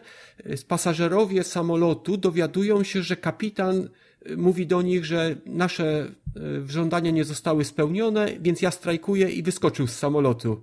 I jest opisana ta scena, jak on y, wyskoczył z samolotu, ciągnie za sznurek i przypomniał sobie, że niedawno był strajk składaczy spadochronu. Nie wiem, nie czytałem, muszę, muszę znaleźć jeszcze jakieś spostrzeżenia na temat tego opowiadania, czy... czy, czy, czy... Znaczy, wydaje mi się, to ono troszeczkę było, wydaje mi się, troszeczkę zbyt mocne, bo ja rozumiem, że ludzie strajkują, rozumiem, że ludzie, którzy strajkują, bo zobacz, jak ty strajkujesz, powodujesz e, uprzykrzenia ludziom, na przykład, jeżeli jesteś kierowcą autobusu, no to ludzie nie dojadą do pracy. Czyli w zasadzie większość ludzi będzie przeciwko tobie, więc ty strajkując musisz zrobić ten strajk w ten sposób, żeby uderzyć w twojego pracodawcę, a jednocześnie sprawić, żeby społeczeństwo tak, cię lubiło. Po stronie, tak, żeby twoje, twoje racje Tak, a to co oni tutaj zrobili, to w zasadzie całe społeczeństwo na pewno było przeciwko tym strajkującym, więc ja nie, nie wiem, czego oni się spodziewali po takim strajku. To było takie nierealistyczny strajk w tej powieści. No tyle może ja. Zawsze jest jakaś część społeczeństwa, która będzie przeciwko strajkującym, bo to będzie dla nich uniedogodnienie. My tutaj możemy chociażby przy, przywołać taki dość jaskrawy przykład te, tegorocznych wakacji, gdzie, gdzie strajkowały, strajkowali chyba yy, yy, pracownicy no linii tak, lotniczych, tak. tak. to było ogromne Ale nikt nie zginął. I, I, też sypały się gromy, gromy na nich. No, zginąć nikt nie zginął, co prawda, ale gromy się sypały. Zawsze będzie ta garstka niezadowolonych, czy nawet rzesza niezadowolonych, którzy, którzy nie zrozumieją tak interesów y, innych, tak, warstw społecznych, tylko mając na uwadze swoje, swoje, swoją wygodę, swoje dobro, tak. No tutaj było to troszeczkę dla mnie znowu gdzie trąciło takim brakiem realizmu, no było oparcie całości infrastruktury właśnie na takich kruchych założeniach, zasadach, ponieważ no wszystko opierało się na tych drogach, tak, na ich sprawnym funkcjonowaniu, tak. Tutaj też e, warto przywołać e, ciekawostkę, że e, ci, którzy stali niejako za operowaniem tymi drogami, ci strajkujący, to były, to były osoby uwarunkowane, tak, specja, specjalistycznie ku temu, tak, czyli one, oni byli praktycznie od dzieciństwa szkoleni ku temu, tak to się wspomina właśnie, że, że to było szkolenie przypominające szkolenie chociażby w takich słynnych akademiach jak West Point, tak, czyli gdzieś to oparte w jakiś sposób na, na, na typowym dla armii szkoleniu. To jeszcze tak? ja o tej mm, nie mówiłem jeszcze o tym opowiadaniu, ale na początku tutaj Rafale powiedziałeś odnośnie tego, że tak mało to realistycznie odnośnie tych, tych, tych dróg, prawda, że to tak, takie drogi, ale nie, nie, trzeba oddać autorowi jedną rzecz, bo trzeba zauważyć i to trzeba mocno podkreślić, że to opowiadanie powstało w roku 1940. Ta jego wizja y, w jakimś sensie się y, urzeczywistniła 16 mm, lat później, kiedy, kiedy został wydany Interstate Highway System, czyli kiedy prezydent Eisenhower wydał ten akt y, budowy dróg y, międzystanowych, więc, więc ta, wizja, ta, wizja, ta wizja świata przyszłości może no, oczywiście przesadzona, ale nawet, nawet, nawet trochę trafna. Już pomijam tą kwestię tych, tych, tych ludzi, którzy, którzy sprawują kontrolę nad tymi, nad, w, w opowiadaniu nad tymi, nad tymi drogami, którzy doprowadzili do tej, do tej tragedii i tak dalej, bo nie będziemy spoilerować. Ale, ale pod tym względem, tak jak mówię, tak, to jest opowiadanie z roku 1940, więc, więc jest bardzo, bardzo stare i, i, i mimo, mimo wszystko czyta się to bardzo, bardzo, bardzo dobrze, tak więc... Mhm. A oni wspominają tam o powstaniu mhm. drogi 66 w tym opowiadaniu. Bo ta tak, droga tak, powstała tak, tak, chyba w, tak. w 26 chyba roku. No dobrze, no i tak jak wspomniałem wcześniej, tutaj przywódca komunistów, powiedzmy komunistów, przedstawiony jest jako człowiek mały, tak, godny pogardy, nie umiejący sobie poradzić, tak naprawdę y, realizujący swoje własne ambicje, tak, do których nie dorasta oczywiście, tak. I tutaj bardzo y, w takiej w końcowej scenie ten, ten, ten cały y, przywódca tych, tych strajkujących Yy, Van Klikon się chyba nazywa, leży na podłodze i płacze, tak? I tak naprawdę nie wie, co dalej począć, tak naprawdę nie potrafi decyzji dobrej podjąć. Jest człowiekiem miałkim i prostym, więc tutaj, yy, no, być może sobie też znowu strzelili stopę, potencjalnie oczywiście nasi tutaj być może wydumani cenzorzy, że, że to odpuścili to opowiadanie, no bo to pokazuje troszeczkę ten, z jednej strony może, no to takie dość trudne, z jednej strony może faktycznie pokazuje, że, że jak imperializm postrzega komunistów, czy, czy robotników ogólnie, ale z drugiej strony też pokazuje, jak łatwo mógłby sobie z nimi poradzić, tak, z tego imperialistycznego punktu widzenia. To oczywiście tak pół żartem mówiąc, no, ale, ale faktycznie jest to opowiadanie w, w jakimś stopniu za, zaangażowane, tak, można, można by było rzec, że, że jednak coś w tym wszystkim jest. No, z tych wszystkich opowiadań, jeżeli chodzi o, te, o tę warstwę właśnie taką futury, futurystyczną, próbę przewidzenia tego, w jaki sposób rozwinie się technologia, no to to opowiadanie wydaje mi się najmniej realne. No tak. tak?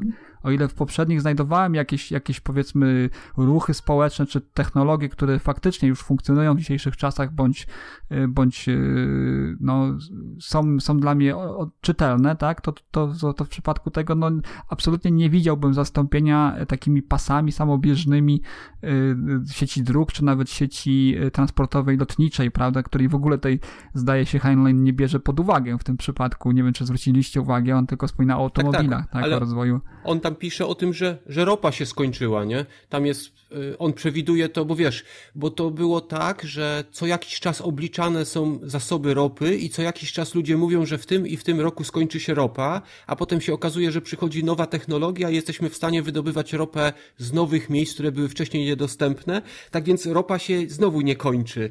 Ale te przewidywania, że ropa się skończy, to się często pojawiały i on pewnie do tego tutaj nawiązał, bo w jego opowiadaniu ropa się skończyła i dlatego te to drogi zrobiono. bardzo, bardzo stare. No, weź w kontekst to, że to właśnie jest rok 1940 i Heinlein siada do pisania y, tego, tego opowiadania, więc pod tym względem no, dałbym mu taryfę ulgową po prostu.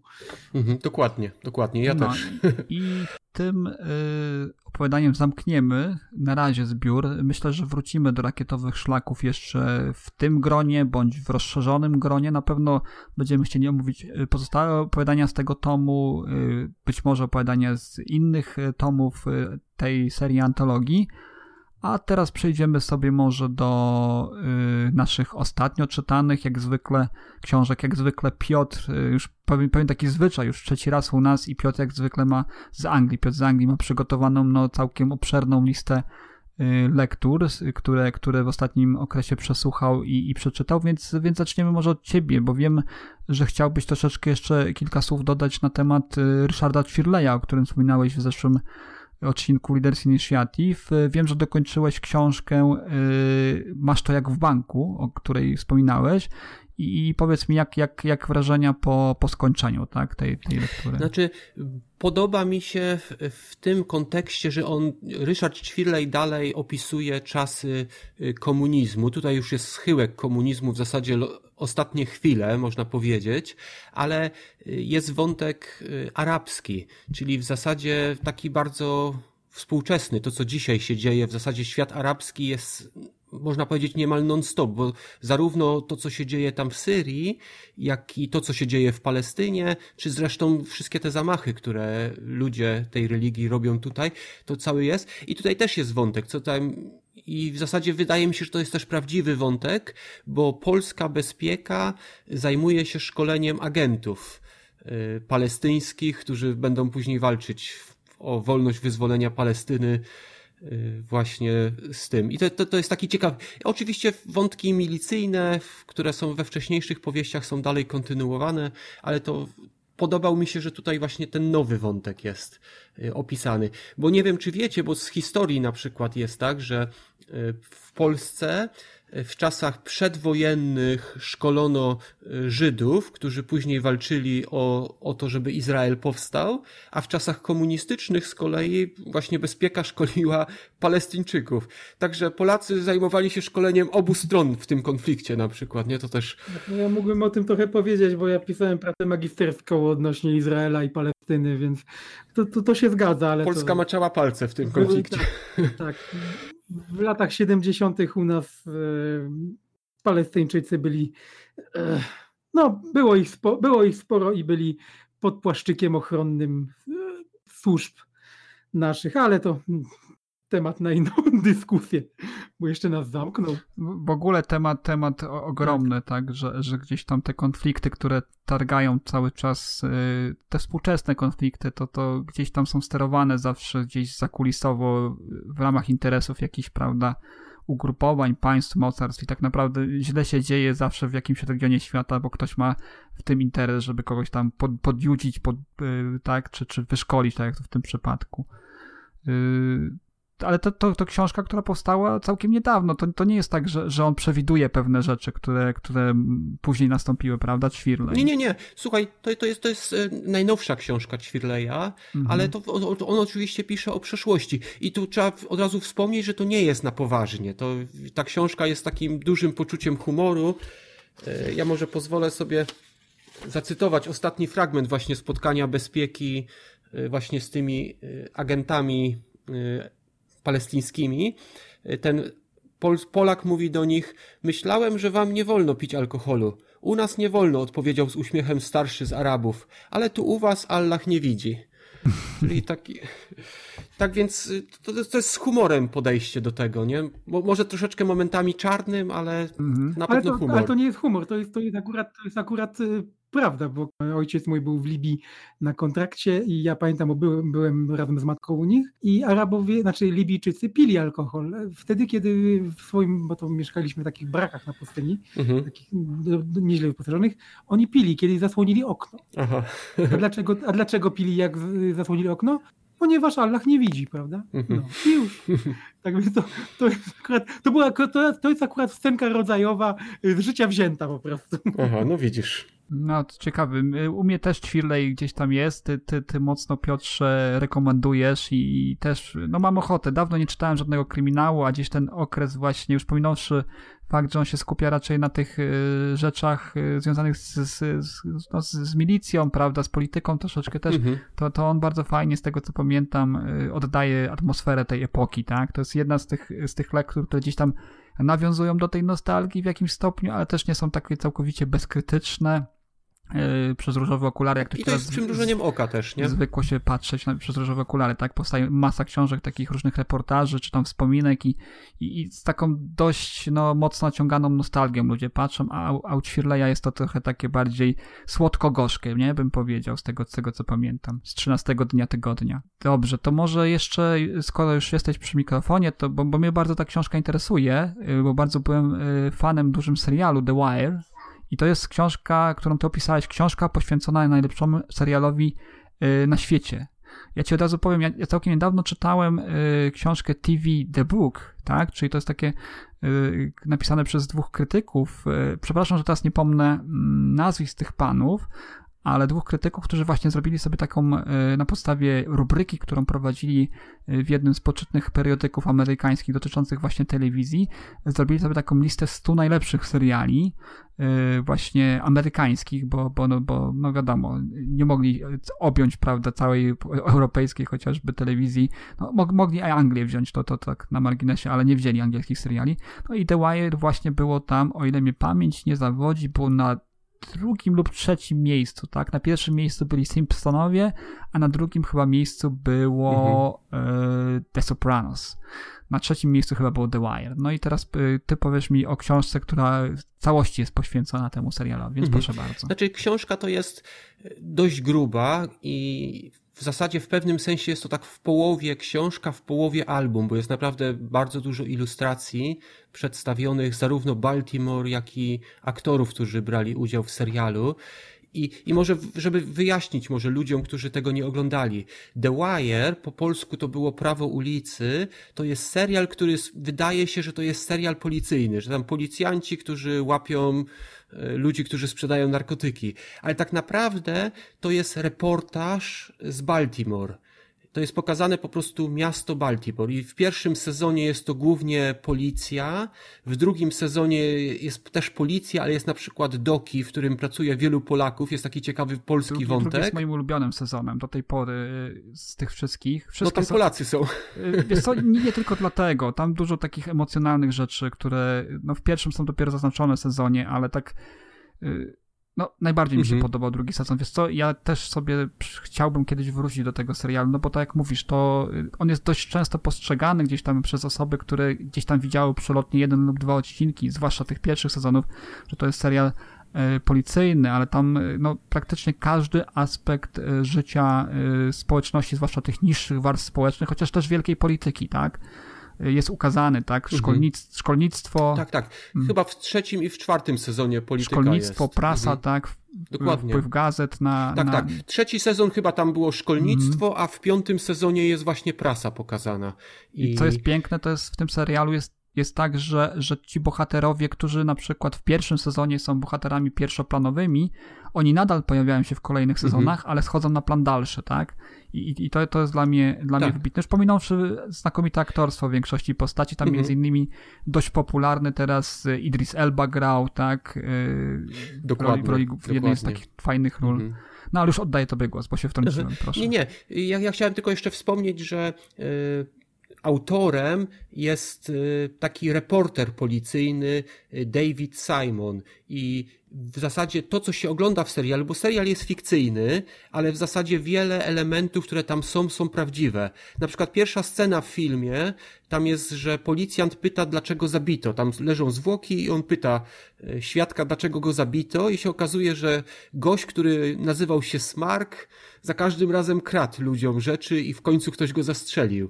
I, I to jest prawdziwa historia. To jest prawdziwa historia, która naprawdę tam się wydarzyła w Baltimore i, i to są właśnie takie słodko-gorzkie rzeczy, bo one są śmieszne momentami, ale z drugiej strony są tak tragiczne, to jest taki czarny humor, przy którym można się i może i pośmiać, uśmiechnąć czasami, ale w zasadzie jak człowiek przemyśli sobie, w jakich warunkach ci ludzie żyli, to, I co, co jest ciekawe, właśnie oni kręcili w prawdziwych miejscach, gdzie, y, gdzie, gdzie ludzie tam żyli tych, tych, tych. Na przykład tam są te wieże, gdzie sprzedawano narkotyki. Potem są prawdziwe mm. sceny, gdzie te wieże wybu wyburzają, co się naprawdę wydarzyło. Tak, pamiętam z, z serialu Hamsterdam to się nazywało chyba, tak, gdzie stworzyli taką strefę, gdzie znaczy policja tak. do spółki z burmistrzem i władzami wpadli na znakomity pomysł, żeby, żeby zapobiec rozpowszechnianiu się narkotyków, stworzyli strefę wolną od policji, gdzie mogli sobie wszyscy handlarze dowolnie narkotykami handlować, tak, taki eks eksperyment przeprowadzili socjalny. No, no do, dobrze to nie wyszło, mhm. nie? Do tego, co ty jeszcze mówiłeś, to, to chciałbym dodać to, że oprócz tych y, prawdziwych lokacji, tak, tych, tych, znaczy y, lokacji, które y, nie służyły jako, jako tło w serialu, ale też po prostu były tym, tymi lokacjami, w których to, te rzeczy się działy, to też w rolach niektórych wystąpili prawdziwi gangsterzy, czy, czy chłopcy, dzieci Dokładnie. z ulicy, tak, które które gdzieś mhm. tam no, swoje życie toczyły wcześniej na ulicy i zostały po prostu zatrudnione do, do gry w serialu i, I wcale, wcale im się aż tak bardzo to dobrze nie przysłożyło w przyszłości, bo, bo tak jak z ulicy zostali niektórzy zdjęci, tak i na ulicę później po skończeniu y, emisji y, kręcenia serialu wrócili. Mhm, tak? tak, tak. I teraz może do książki nawiązując. Książka y, opisuje w zasadzie, dlaczego powstał serial, w zasadzie wszystkie wątki i potem odcinek po odcinku podaje w zasadzie wszystkie smaczki. Czyli jak ktoś, tak jak ja, lubi ten serial, to no to jest książka, którą trzeba mieć po prostu na półce, bo y, oglądając i niejako czytając to można się dowiedzieć wielu rzeczy, na przykład o tym, że to były prawdziwe historie w wielu A miejscach. to po angielsku książka, czy po polsku? Po angielsku, po angielsku. Ja tylko może nawiążę do tego polskiego wątku. To jest taki wątek, który zawsze największe wrażenie robił na mnie, że śledztwo przeciwko Polakom, którzy pracowali w dokach, zostało rozpoczęte z powodu kłótni tych dokerów i policjantów, polskich policjanci przeciwko polskim dokerom, kto ma zrobić witraż do polskiego kościoła. To jest taki, tak, Boże. tak świetny wątek, że... E, Właśnie, właśnie nie, nie doczytałem jeszcze, czy to jest prawdziwy wątek, czy nie, to mnie bardzo ciekawi, nie? Czy to na faktach było. No, y, wygląda na prawdziwy w każdym Tak. razie. Bardzo, bardzo wygląda na prawdziwy, tak. Także to, to, to Tak, po, polecam no, wszystkim oczywiście ja, ja serial. polecam, ja polecam serial. Mhm, mhm.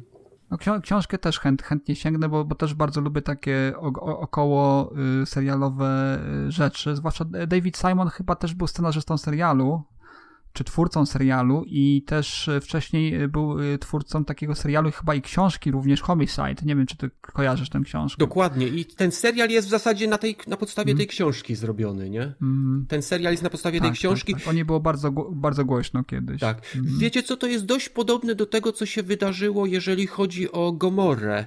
Gomorra to była najpierw książka, potem zrobiono film, a potem zrobiono serial. Serial jest tak luźno oparty na książce, ale pokazuje niejako prawdziwe rzeczy, które się działy z kolei we Włoszech. Także Gomorra jest czymś bardzo podobnym do The Wire, tylko The Wire to jest o Baltimore, a Gomorra to jest o, o, o włoskiej mafii z kolei, nie? Mhm. Tak, widziałem. Na Netflixie jest dostępna Gomora chyba, tak? Można, można obejrzeć. Tak. Też bardzo dobry serial. Zga- Zgadzam się z Piotrem, e, polecam. Mhm. No, E, podobny. Dobrze, to może teraz oddamy Piotrowi z Polski, y, który sięgnął po książkę Stephena Kinga, która gdzieś tam w zamyśle, albo chociaż w jakimś stopniu jest kontynuacją chyba jednej z najbardziej znanych książek Stephena Kinga, czyli Śnienie. Tutaj mamy książkę kontynuującą losy głównego bohatera po latach. Y, On się chyba nazywał y, Jack, dobrze mówię? Y, Dan Torrance się nazywał. Dan, Dany, Dany, tak. Dan. Jack to był, Jack, Johnny Torrance to był jego ojciec, który, który, który książka nosi tytuł Doktor Sen. No i może od ciebie teraz kilka słów na temat. No ja przede wszystkim od razu powiem, że już kiedyś o tej książce wspominaliśmy na naszym innym podcaście. To chyba ty wspominałeś nawet, prawda? Mm, Recenzowałeś i stwierdziłem, że, mm, że nie bardzo chcę czytać Kinga, no, no- nowych y, książek Kinga, bo wtedy wywiązała się dyskusja, że King już, to już nie jest ten sam King co kiedyś, prawda? Że jego wcześniejsze książki były, były lepsze. I po tej twojej recenzji tej y, książki, czyli Doktor Sen, stwierdziłem, że to niestety, niestety, niestety tak to wygląda i, i ja nie będę nawet za bardzo się wysilał i tej książki szukał. Natomiast od razu powiem, że ja tą książkę kupiłem y, będąc na zakupach w sklepie Biedronka, gdzie to kosztowało 9 zł. Naprawdę, książkę można kupić w każdym sklepie, nie ma się to wstydzić. Skoro są książki nawet w Biedronce i można za 9 zeta y, kupić książeczkę, to, to czemu nie można jej włożyć do koszyczka między, między bułeczkę i serek, prawda? Ja to może wyjaśnię, bo to jest taki trochę nasz wewnętrzny żart y, jeszcze z innych podcastów, bo, bo Piotr tutaj znany jest z tego, że kupuje książki z kosza, tak? Tak. Jak znajdzie, trafi na coś w koszu za darmo, no to po prostu Znaczy, kupuje no jak to, za darmo? to na, na, na, tak, Znaczy, na kilogramy byłem wręcz. na no. zakupach y, śniadaniowych, a wyszedłem z książką. No bo King się teraz ukazuje w takiej serii jakiejś takiej y, taniej, tak? Y, Tak, tak, mhm. tak, ale to nie tylko, nie tylko y, w Biedronce, w różnych y, takich marketach dziwnych można znaleźć y, tak dziwnie poupychane te książki. Czasem całkiem ładne, niezłe perełki można znaleźć za te 9-10 zł. 20. Naprawdę można kupić ciekawą książkę, więc nie omijajcie wzrokiem takich, takich sklepów, bo kto wie, co tam y, traficie, prawda? Ale wracając do książki, mm, tak jak ty recenzowałeś na naszym innym podcaście Tomografię, y, że mm, King już troszkę mm, stracił werwę taką jakoś, już to, to już nie jest ten sam autor co kiedyś i niestety po lekturze Doktor Sen muszę się ze smutkiem zgodzić z tą twoją opinią dosyć ostrą, y, ponieważ y, ja pamiętam że Lśnienie, no, Lśnienie jest książką hmm, czy kultową, może, może to zaryzykuję i powiem, że to jest trochę wina, w cudzysłowie wina filmu, prawda? Mhm. Zgodzicie się ze mną? Które, którego sam Stephen King nie lubił bardzo, to, to od razu dodam. Je, No Właśnie. Taką kanoniczną, kanoniczną ekranizacją jest serial e, chyba z lat 90., którą King aprobuje niejako. Nie? Ale chodzi mi o to, Mhm. że, że, że, że mm, lśnienie zostało wyciągnięte za habety do, do tego, na ten piedestał y, kultury popularnej y, przez, nie przez książkę, ale właśnie przez film. No powiem tyle, że po prostu Lśnienie nig- nigdy nie było moją ulubioną Mhm. książką Kinga. O tak, mimo tego, że lubię, szanuję, ale na tak, pewno no nie było jest w dobrą książką na pewno i szczeg- szczególnie na tle tej kontynuacji, czyli Doktor Sen, który jest książką, mam takie wrażenie, y, tutaj zrozumieją mnie osoby, które y, mają w pamięci i czytały ostatnio te, te książki Kinga, które on stworzył na przestrzeni ostatnich, powiedzmy, ostatniej dekady, że Doktor Sen jest książką bardzo, ja nie powiem, że to jest słaba książka, jest bardzo średnia. I tutaj się pojawia też taki motyw, że mm, mam wrażenie, że King jest po prostu już, e, ja wiem, że to zabrzmi źle, że on już jest po prostu stary. Ponieważ y, czytając Kinga, w ogóle mm, to co, to, co ja lubię w książkach tego autora, on od zawsze w jego książkach ta wizja, wizja Ameryki, już nawet nie mówię y, stanu Maine, bo on już obsesyjnie swoje książki, mm, y, akcje swoich książek y, umieszcza, prawda, w stanie Maine, prawda, i tak dalej, ale mówię o ogólnym obrazie Ameryki, o oddaniu jego, jego ducha, jego, tego jak Ameryka jako naród, jako, jako, mm, jak myśli, jak, jak się zachowuje. Żeby zrozumieć Amerykę, trzeba przeczytać kilka książek Kinga, Stevena. I, i, i kiedyś, kiedyś już takiego usłyszałem od pewnego krytyka filmowego, y, książkowego, przepraszam, w jednym z programów telewizyjnych i ja w to nie wierzyłem do momentu, kiedy ja sam nie przeczytałem tych kilku jego książek i stwierdziłem, że, że coś w tym jest. Natomiast y, Doktor Sen pokazuje, że mm, King jest już autorem po prostu on już jest, on się starzeje. To kiedyś ja pamiętam dokładnie, jak ty Rafale powiedziałeś, nie pamiętam, czy to przy okazji też y, twojej recenzji Doktor Sen, że mm, King nie radzi sobie y, z aspektem technologicznym w swoich książkach, prawda? Powiedziałeś coś takiego? Tak, zgadzam sobie. się. On, tak, on, nie on, radzi współcześnie, sobie. on, on współcześnie nie czuje tego. Po prostu, y, wiesz co, musiałby sobie znaleźć kogoś, kto by mu powiedział, że, że tak już internet nie działa, tak komputery nie działają po prostu. Dokładnie. Chodzi o Tak, internet, tak. o Mhm. internet, y, telefonii komórkowej i tak dalej, i tak dalej. I to jest dokładnie, ten problem występuje też w książce Doktor Sen. Y, I, I to jest taki dysonans, ponieważ tak jak mówię, do pewnego momentu y, King y, w swoich książkach wielkim atutem było to, że ten obraz Ameryki był spójny, bardzo dobry, mimo że generalnie to, to są książki grozy, to jednak ten aspekt społeczny w jego książkach wybrzmiewał bardzo, bardzo mocno i był bardzo trafny. Natomiast od pewnego czasu czuje się to, że jest już autorem starej daty, który nie rozumie trochę świata. Ja wiem, że to brzmi bardzo, bardzo źle, ale tak, takie odnoszę wrażenie po przeczytaniu Doktor Sen. A sama książka, no to, no to już no mówiliśmy na początku, no mamy tą kontynuację lśnienia, mamy tego y, małego chłopca, który w lśnieniu jeździł sobie po, y, po hotelu, prawda? Teraz jest dorosłym mężczyzną, nadal, nadal ma te, te, te umiejętności, które ma.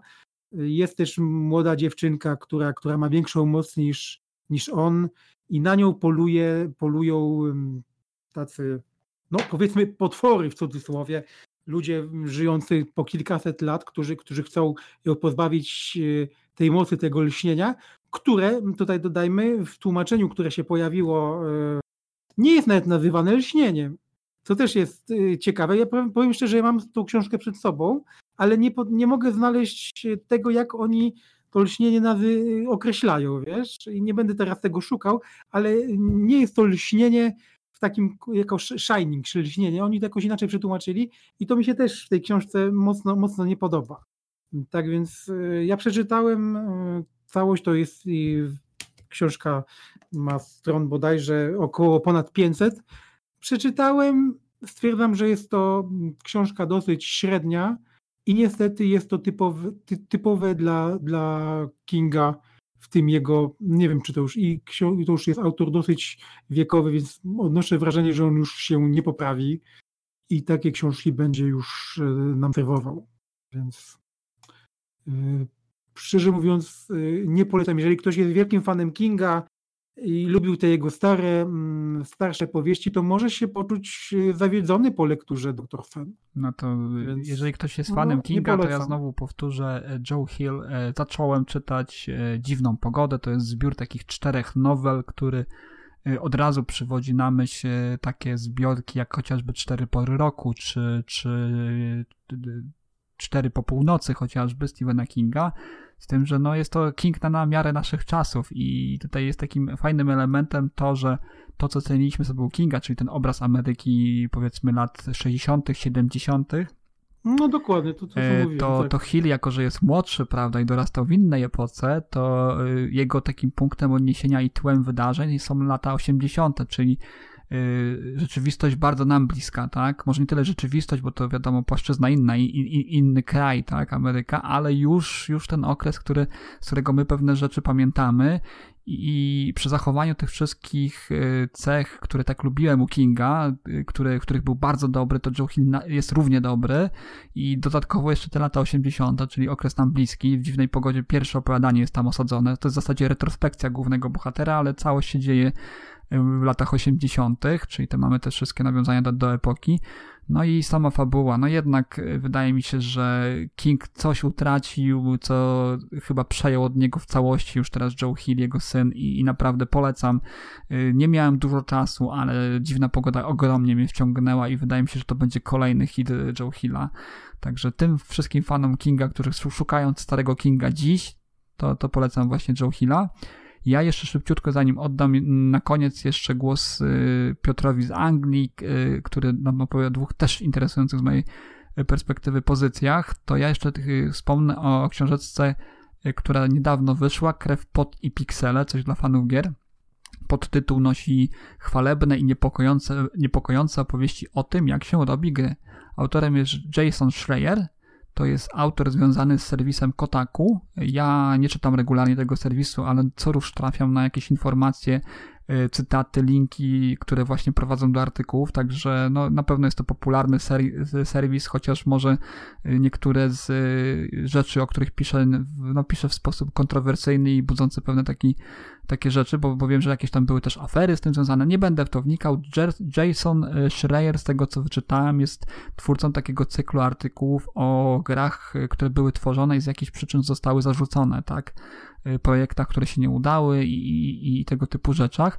Natomiast y, w tej książce pisze o projektach, które się udały, ale też zostało ich wydanie okupione no, ogromnym wysiłkiem, problemami, yy, zdrowiem psychicznym niektórych autorów, yy, twórców, tak?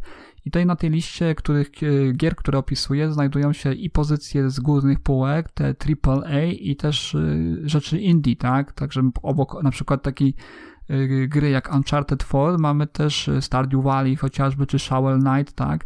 Gry, które zrobiły furorę, ale zostały stworzone w zasadzie no, przez jednego człowieka, chociażby tutaj Eric Baron i twórca Stardew Valley, który, no, którego historia no, mocno mną wstrząsnęła, bo to pokazuje ten proces twórczy jako naprawdę ogromne poświęcenie, gehenne. Y, człowiek, który tutaj niejednokrotnie przeżywał załamanie psychiczne, który później też, y, cały czas mówię o Eriku Baron, nie, nie potrafił poradzić sobie z sukcesem, który odniosła jego gra, tak, stał się w zasadzie z dnia na dzień milionerem, y, co też no nie, nie zawsze odbija się dobrze na psychice niektórych osób, tak, zwłaszcza tak emocjonalnych, tak, jakim postacią, jaką był Eric Baron. No i też jest to historia inspirująca, tak, jeżeli chodzi o, o tego konkretnego autora, ogromnego poświęcenia, które jednak w, w, tym efekcie, tak, jeżeli chodzi o samo dzieło, bo już nie chodzi o dalsze życie Erika, tak, prowadzi do stworzenia no, dzieła, które, które, które jest y, przełomowe w jakimś stopniu, y, też y, sprzedaje się znakomicie, tak, odnosi ogromny sukces, tak. No a poza tym też mamy dużo takich opowieści o, o twórcach, o tym, jak przebiega praca w wielkich firmach, jakie są problemy napotykane, tak, o tym, jak funkcjonuje cała ta branża, tak, i tym, co ja uważam za cenne dla e, wszystkich, tak, nie tylko tych, którzy się bardzo dobrze interesują, znaczy bardzo dobrze znają światek i branżę gier komputerowych, ale dla tych, co, co lubią sobie od czasu do czasu pograć, ale nie wnikają za bardzo w te szczegóły, tylko lubią sobie raz na jakiś czas ponarzekać na to, że ta gra jest taka, owaka, ta nie wyszła, ta jest zła, ta tutaj mogli się bardziej postarać. No, tu jest taki obraz tego, że no, czasami tym czynnikiem bywa, y, tych czynników, które wpływają na ostateczny efekt, no, są bardzo niezależne od samych twórców i, i tutaj troszeczkę to otwiera oczy na to, jak tam się wszystko to y, wydarza, a jest też fajna książka dla tych właśnie osób, które w branży nie siedzą, z tego powodu, że y, Jason Schreier bardzo dobrze i obrazowo opisuje wszystkie te rzeczy, tak? On y, opisuje to Y, konkretnie w jaki sposób coś działa, y, targi, jakie to są targi, skąd wzięły swoją, swój początek.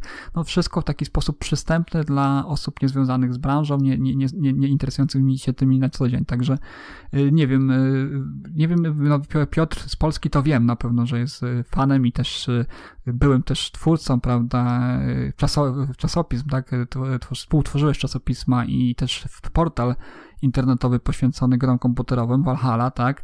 Ale, ale, tak jest, a, ale tak. Piotr, Piotr z Anglii, nie wiem, jak u ciebie, bo wiem, że ty też aplikacje zamierzasz tworzyć, mhm. tak? Jakieś... To znaczy, ja bardzo lubię gry strategiczne. Aha. E, szczególnie Age of Empires to jest moja ulubiona gra. Aha, tutaj nie ma, tutaj nie ma, poza Halo Wars nie ma, nie ma żadnej grze strategicznej. Jest nasz Wiedźmin jeszcze, oprócz tego gra Destiny, no i jeden, jeden anulowany projekt się pojawia, taki budzący emocje, raz na jakiś czas jakieś informacje jeszcze gdzieś tam o nim wypływają, czyli Star Wars 1313, który się nie ukazał, tak. No ja, ja polecam, książka naprawdę fajna, w pewnych aspektach otwierająca oczy na niektóre rzeczy, w innych inspirująca, o ludziach, ogromnym poświęceniu, o tym jak czasami w sposób no zły, zły po prostu, zwyczajnie zły sposób jest, są oni traktowani przez odbiorców odbiorców e, docelowych, czy, czy też nawet e, przez e, korporacje, tak, no o, o tym też jest mowa. Także polecam. Ja, ja mam w planie wysłuchać jej. Jest mhm. audiobook mm. i ja prawdopodobnie będę słuchał Warto, tego. tak, no naprawdę polecam, bo, bo nawet jeżeli się tym nie interesujesz, to jest ciekawa rzecz o funkcjonowaniu pewnej, pewnej gałęzi, tak, branży i o ludziach, tak, przede wszystkim za nią stojących. Dobrze, ale teraz już oddaję na koniec tobie. Mhm. Dwie jeszcze książki tutaj masz. Znowu filozofia. Arthur Schopenhauer się pojawił u ciebie. Erystyka, czyli sztuka prowadzenia sporów, tak? Tak, tak, dokładnie. Y, tak się okazało, ja robię też inny podcast, w którym zajmuję się mhm. stosowaniem zdrowego rozsądku, czyli stosowaniem logiki w, w życiu i tam między innymi omawiam sofizmaty i zostałem zaproszony w związku z tym do podcastu po ludzku o pieniądzach. Nie wiem, czy słuchaliście kiedyś. E, także tam zostałem zaproszony i postanowiłem przygotować się trochę, także zabrałem się ponownie za Schopenhauera i właśnie jego erystykę. E, to jest ktoś, kto bo o sofizmatach, czyli o błędach logicznych to mówił już Arystoteles, ale dopiero Schopenhauer je zebrał i całościowo omówił. On na przykład w tej, to nie jest długa książka. Jeżeli ktoś by chciał zająć się erystyką, to jest dosłownie dwie godziny słuchania. To jest naprawdę krótka broszura, ale tam są omówione wszystkie 32 techniki, y, w których ktoś może zastosować, żeby wygrać nieuczciwie, wygrać dyskusję. Część naszych słuchaczy właśnie zrobiła wielkie oczy, zapewne. Tak, no, tam, tam są na przykład takie rzeczy, jak na przykład, y, kiedy ktoś podaje ci jakiś argument, a ty na przykład zamiast zastos- y, odnosić się do tego argumentu, atakujesz swojego przeciwnika i czyli przyklejasz jakieś etykietki tam w rodzaju na przykład, że on jest podobny do Hitlera, czy coś takiego. I to, to są techniki, które które już Arystoteles pisał i właśnie a Schopenhauer je zebrał w swojej książce, nie? No to bardzo przydatne dla osób y, często kłócących się w internecie i dla naszych polityków by się przydało. Taka lektura. Czytasz polskie wydanie, tak? Tego? Tak, tak, tak, tak, polskiego audiobooka. Jeżeli wiesz, jeżeli poznasz tę książkę, to powiem ci zupełnie inaczej się ogląda właśnie sprawozdania jakiejś dyskusji politycznej, bo od razu widzisz, jaką kto technikę zastosował w którym momencie, nie? I widać, widać wtedy, czy ktoś odnosi się do faktów, czy ktoś właśnie e, no, odnosi się do jakichś wy, tych, tych właśnie technik, które, żeby wygrać e, tą dyskusję. Tak więc to było to. To tak króciutko tylko. Jeżeli ktoś by chciał, to polecam. I, i jest bardzo fajna książka, jeżeli ktoś lubi Marcina Ciszewskiego. E, zrobił on bardzo dziwną rzecz. Wydał słuchowisko znaczy to przepraszam, to nie jest słuchowisko, to jest audiobook, który czyta y, Cezary Pazura. Jest to zatytułowane, jest to serial audio, jest to zatytułowane autor bez, bestsellerów i w pewnym sensie jest to troszeczkę autobiograficzne, bo tam spotykamy postacie z książek Ciszewskiego. Y, książk, y, jest to o autorze, który pisze, mówi o książkach, które Ciszewski naprawdę napisał. Mowa jest na przykład o o filmowaniu jego książek, mowa jak się spotyka z ludźmi, którzy na przykład chcą audiobooka wydać i inne rzeczy. Właśnie się zastanawiam, na ile to jest autobiograficzne. Ale co jest ważne, w tej książce nie jest ważna fabuła, w tym, w tym audiobooku nie jest ważna fabuła, tylko jest y, taka technika, którą zastosował też y, Joyce w Ulisesie. Jest strumień świadomości. Mhm. Czyli nie jest ważne to, co się dzieje na zewnątrz, tylko jest ważne to, co główny bohater myśli. Czyli komentarzy głównego bohatera jest może 90%, a akcji jest 10%. To jest taka książka do, dość dziwna w pewnym sensie, ale mm, podobna. I, I odnośnie Cezarego Pazury, jego wybrano do tego audiobooka i wydaje mi się, że świetnie pasuje. Ludzie, którzy na przykład oglądali filmy takie jak Dzień Świra, czy Nic Śmiesznego właśnie z Cezarym Pazurą, to myślę, że to też mogłoby im się spodobać, jeżeli tamte filmy podobały im się, bo tam też y, właśnie ta, ten strumień świadomości w tych filmach też był bardzo tak, ważny. Mówisz o tym, ja, ja, tak ja często podkreślam, no, no nie jestem y, fanem y, audiobooków, ale tego typu książka, tak, z tym strumieniem świadomości, czytana w formie audiobooka, to może być du dużo, dużo lepsze doświadczenie, jeżeli chodzi o, o, o odbiór tej książki, tak? Dużo lepiej mhm. by się mi ją pewnie słuchało niż ją czytało. Takie mam wrażenie. Na pewno, tym bardziej, że Pazura świetnie oddaje. To tak wygląda, jakby to pod niego zostało napisane. Naprawdę no, jest super.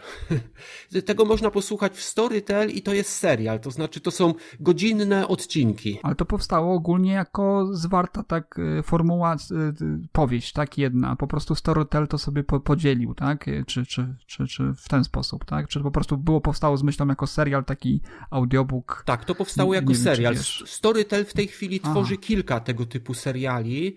To jest właśnie jeden z nich i no mi, mi się najbardziej spodobał. W tej chwili w Storytel jest 10 odcinków. Jest pierwszy sezon i 10 epizodów jest.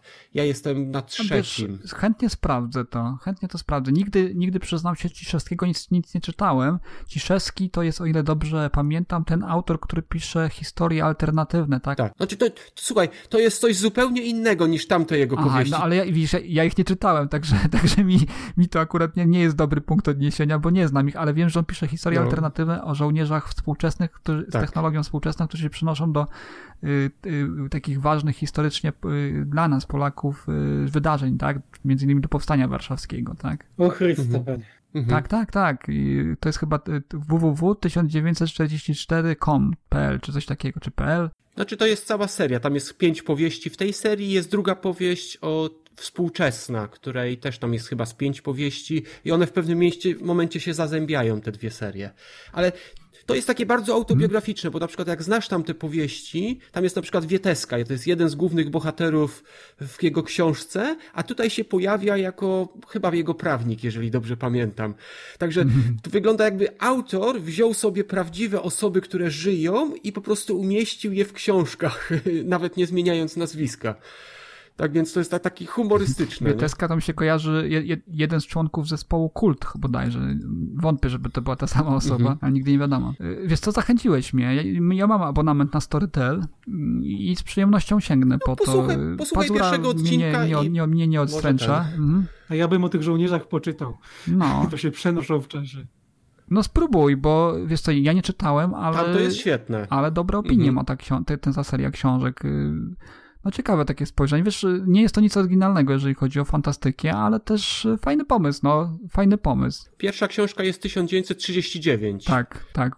www.1939.pl Jest właśnie, czyli jest wrzesień 39, potem jest powstanie warszawskie, po, potem też są bardziej współczesne wątki związane z tym, także tam się trochę znaczy, dzieje. Oni się chyba za każdym razem nie przenoszą, tylko po prostu to jest y, historia jakiejś brygady, tak, która przyniosła się w ten okres i oni tam po prostu pojawiają się chyba we wszystkich książkach ci sami bohaterowie. No nie wiem, ja nie czytałem tyle, co mi ze słyszenia i To z znaczy opinii. nie, nie. W 39 tam oni się dzielą i część zespołu zostaje, a część wraca. I potem w kolejnych powieściach ci z teraźniejszości wracają do przeszłości po pewne rzeczy.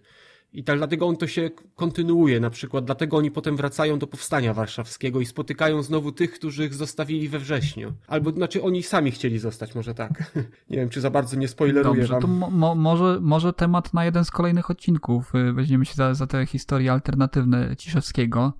Ja też już od dawna chciałem to sprawdzić, więc, więc może jest, jest dobry pomysł na, na jeden z kolejnych odcinków Readers Initiative, do, do którego oczywiście wszystkich y, serdecznie zapraszam. Dziękuję obu Piotrom dzisiaj za wspólne nagrywanie. Dziękuję. Również dziękuję. Od razu zaznaczę, że miało, miało nas być więcej, yy, ale może te osoby, którym się dzisiaj nie udało, dołączą do nas w jednym z kolejnych odcinków i wrócimy do antologii Rakietowe Szlaki.